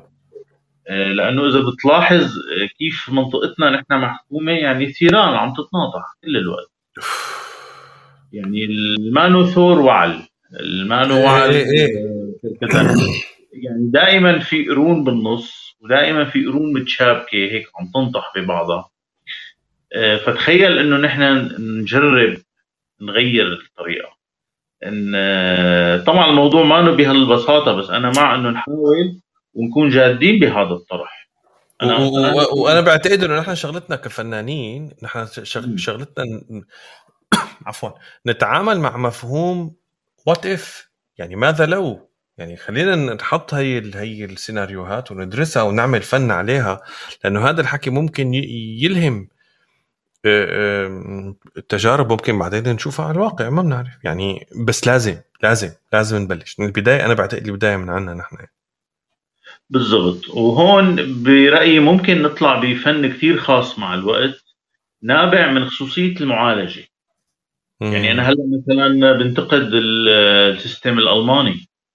يعني هي القصة اللي كمان موضوع آخر. أنا بصراحة هلأ بنتقد الاستبداد وبنتقد النظام وبنتقد بس أنا بشعر إنه القوة كانت لما أنا كنت بسوريا عم بنتقد هذا الشيء. ما هلأ بألمانيا تفضل انتقد ال system هون. آه، بالمعنى العميق للكلمة تفضل انتقد إسرائيل. نص العالم هون ما بتسترجي تقول به بقصة لها علاقة بإسرائيل إيه إيه. وهذا الموضوع على فكرة يعني به- بهولندا مثلا مو هيك بس مثلا هولندا لها محاذيرها بس بألمانيا إيه القصة أنا سمعانها من كثير إنه يا لطيف ما فيك. هذا موضوع كثير خطير ما فيك تحكي فيه. إيه زعل حقيقي أنا بقول لهم طيب آه، يعني إنه هون مبينة مرحب تفضل احكي على النظام السوري اللي الاستبدادي المصري اللي بدك إياه. بوتين يا لطيف روح قلبهم إنك يعني بي- بيمولوك وبيدعموك وبي ما عم بقول ابدا إنه هو شخص منيح يعني آه، على الإطلاق. لا طبعا. إيه. بس إنه مرحب بإنك أنت تجي تحكي بهذا الشيء. آه، طيب تفضل آه، انتقد إسرائيل مثلا. احكي عن الحق الفلسطيني. بالأغلبية بتلوز بالصمت الشديد. والمطبق مانع أنا عم أقول كمان إنه يلا بلشوا لأنه في ناس بتنتهي تماما مهنيا. تنحط بلاك ليستد وفي قوانين على فكرة هون بألمانيا. يعني الموضوع طبعا طبعا. الموضوع جدي الموضوع جدي كثير جداً. وهن بالمانيا كفنان- أكثر من من بلاد تانية لأنه بالنسبة لهم هو هو لساته استمرارية لل للتذنيب يلي صار لهم نتيجه الحرب. وال... بالضبط. والممارسات النازية والهولوكوست والحكي كله فخلص هن أخذوا القصة وما عاد بالضبط. بس أنت كفنان كموقف أخلاقي تقبل؟ هذا السؤال.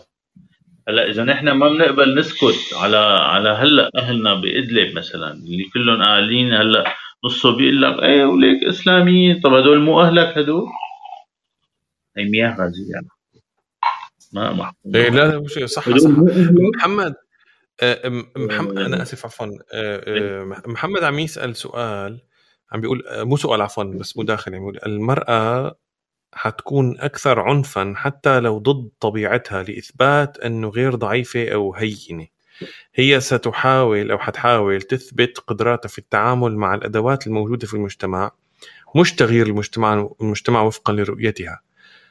تمكن المرأة ت- تمكن المرأة في المجتمعات الغربية نتاج تفاعلات اجتماعية ده بالإضافة أن تجارب النساء الغربية مش وردية أبدا مارغريت تاتشر ساعدت بشكل واضح أدوات الاستبداد وخصوصا في أمريكا اللاتينية وكانت من أكبر حلفاء بينوشي إيه؟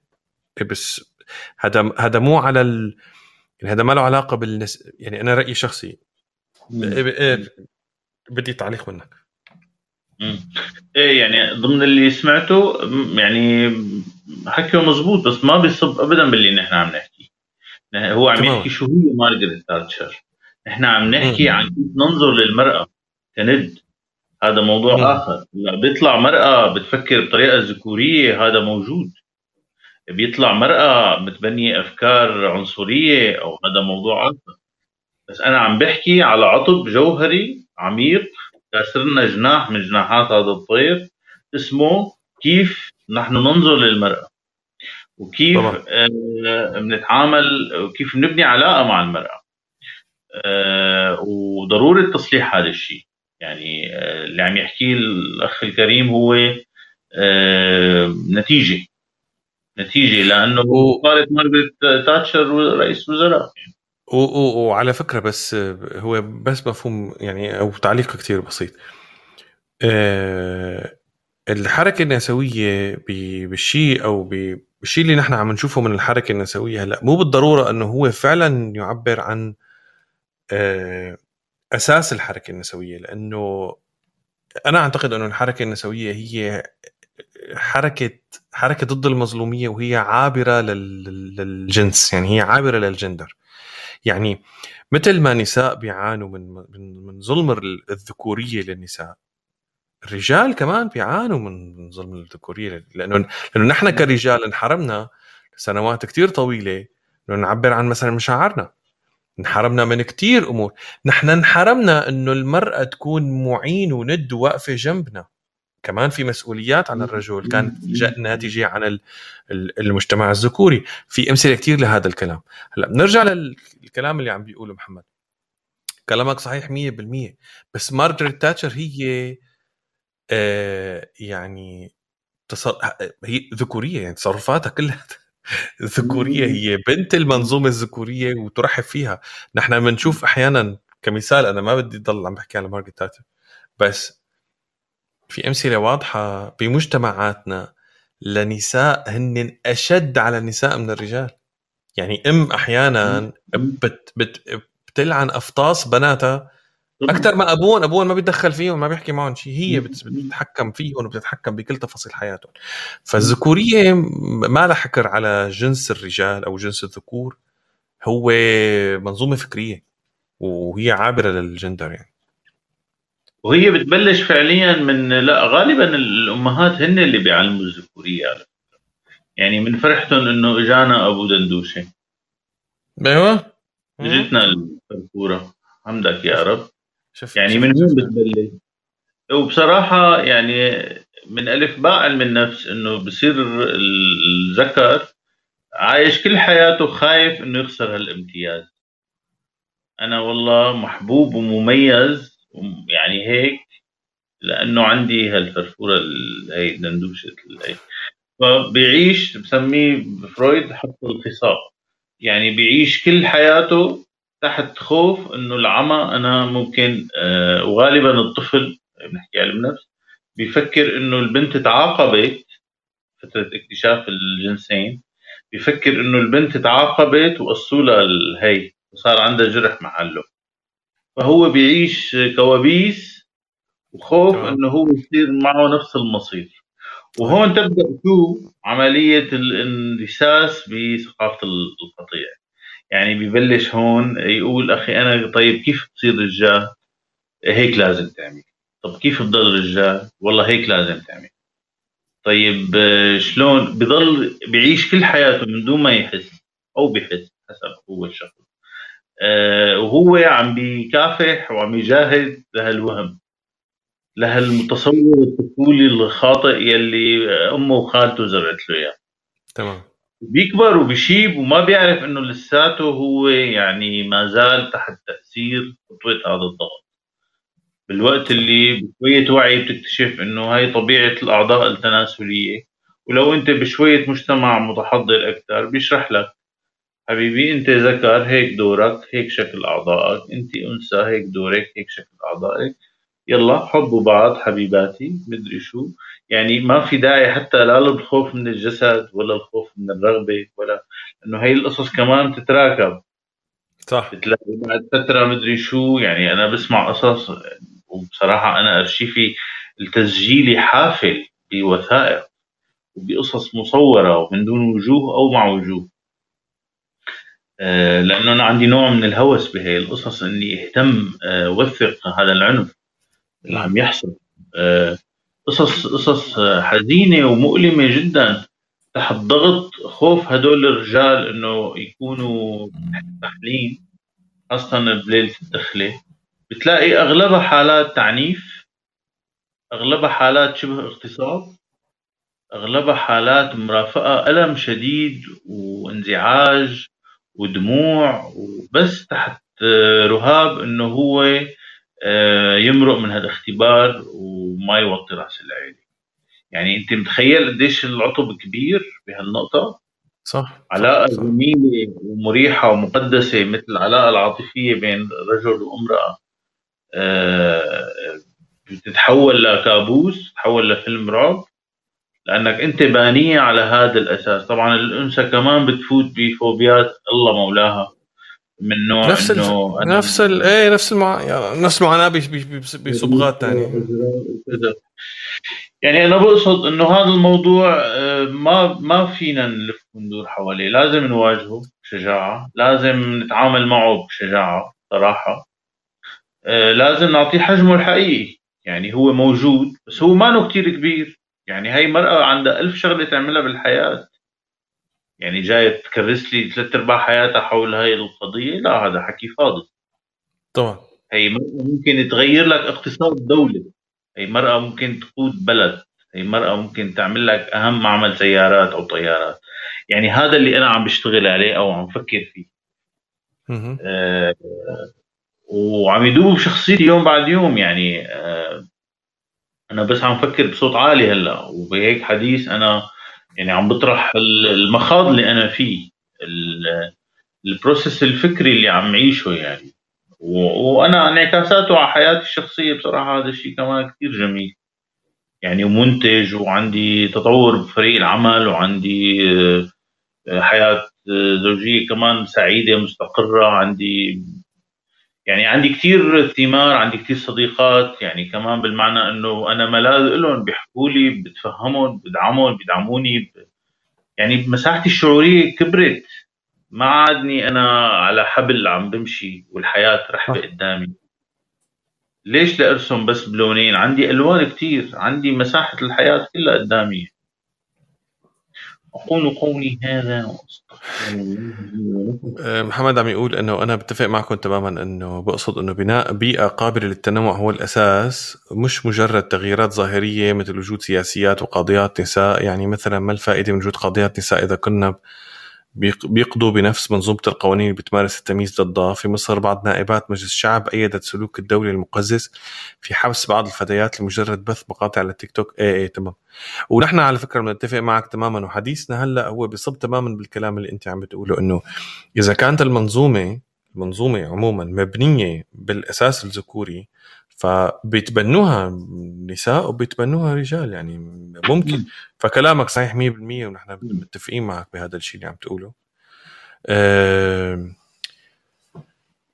حزوم كان آه، حلقة جميلة.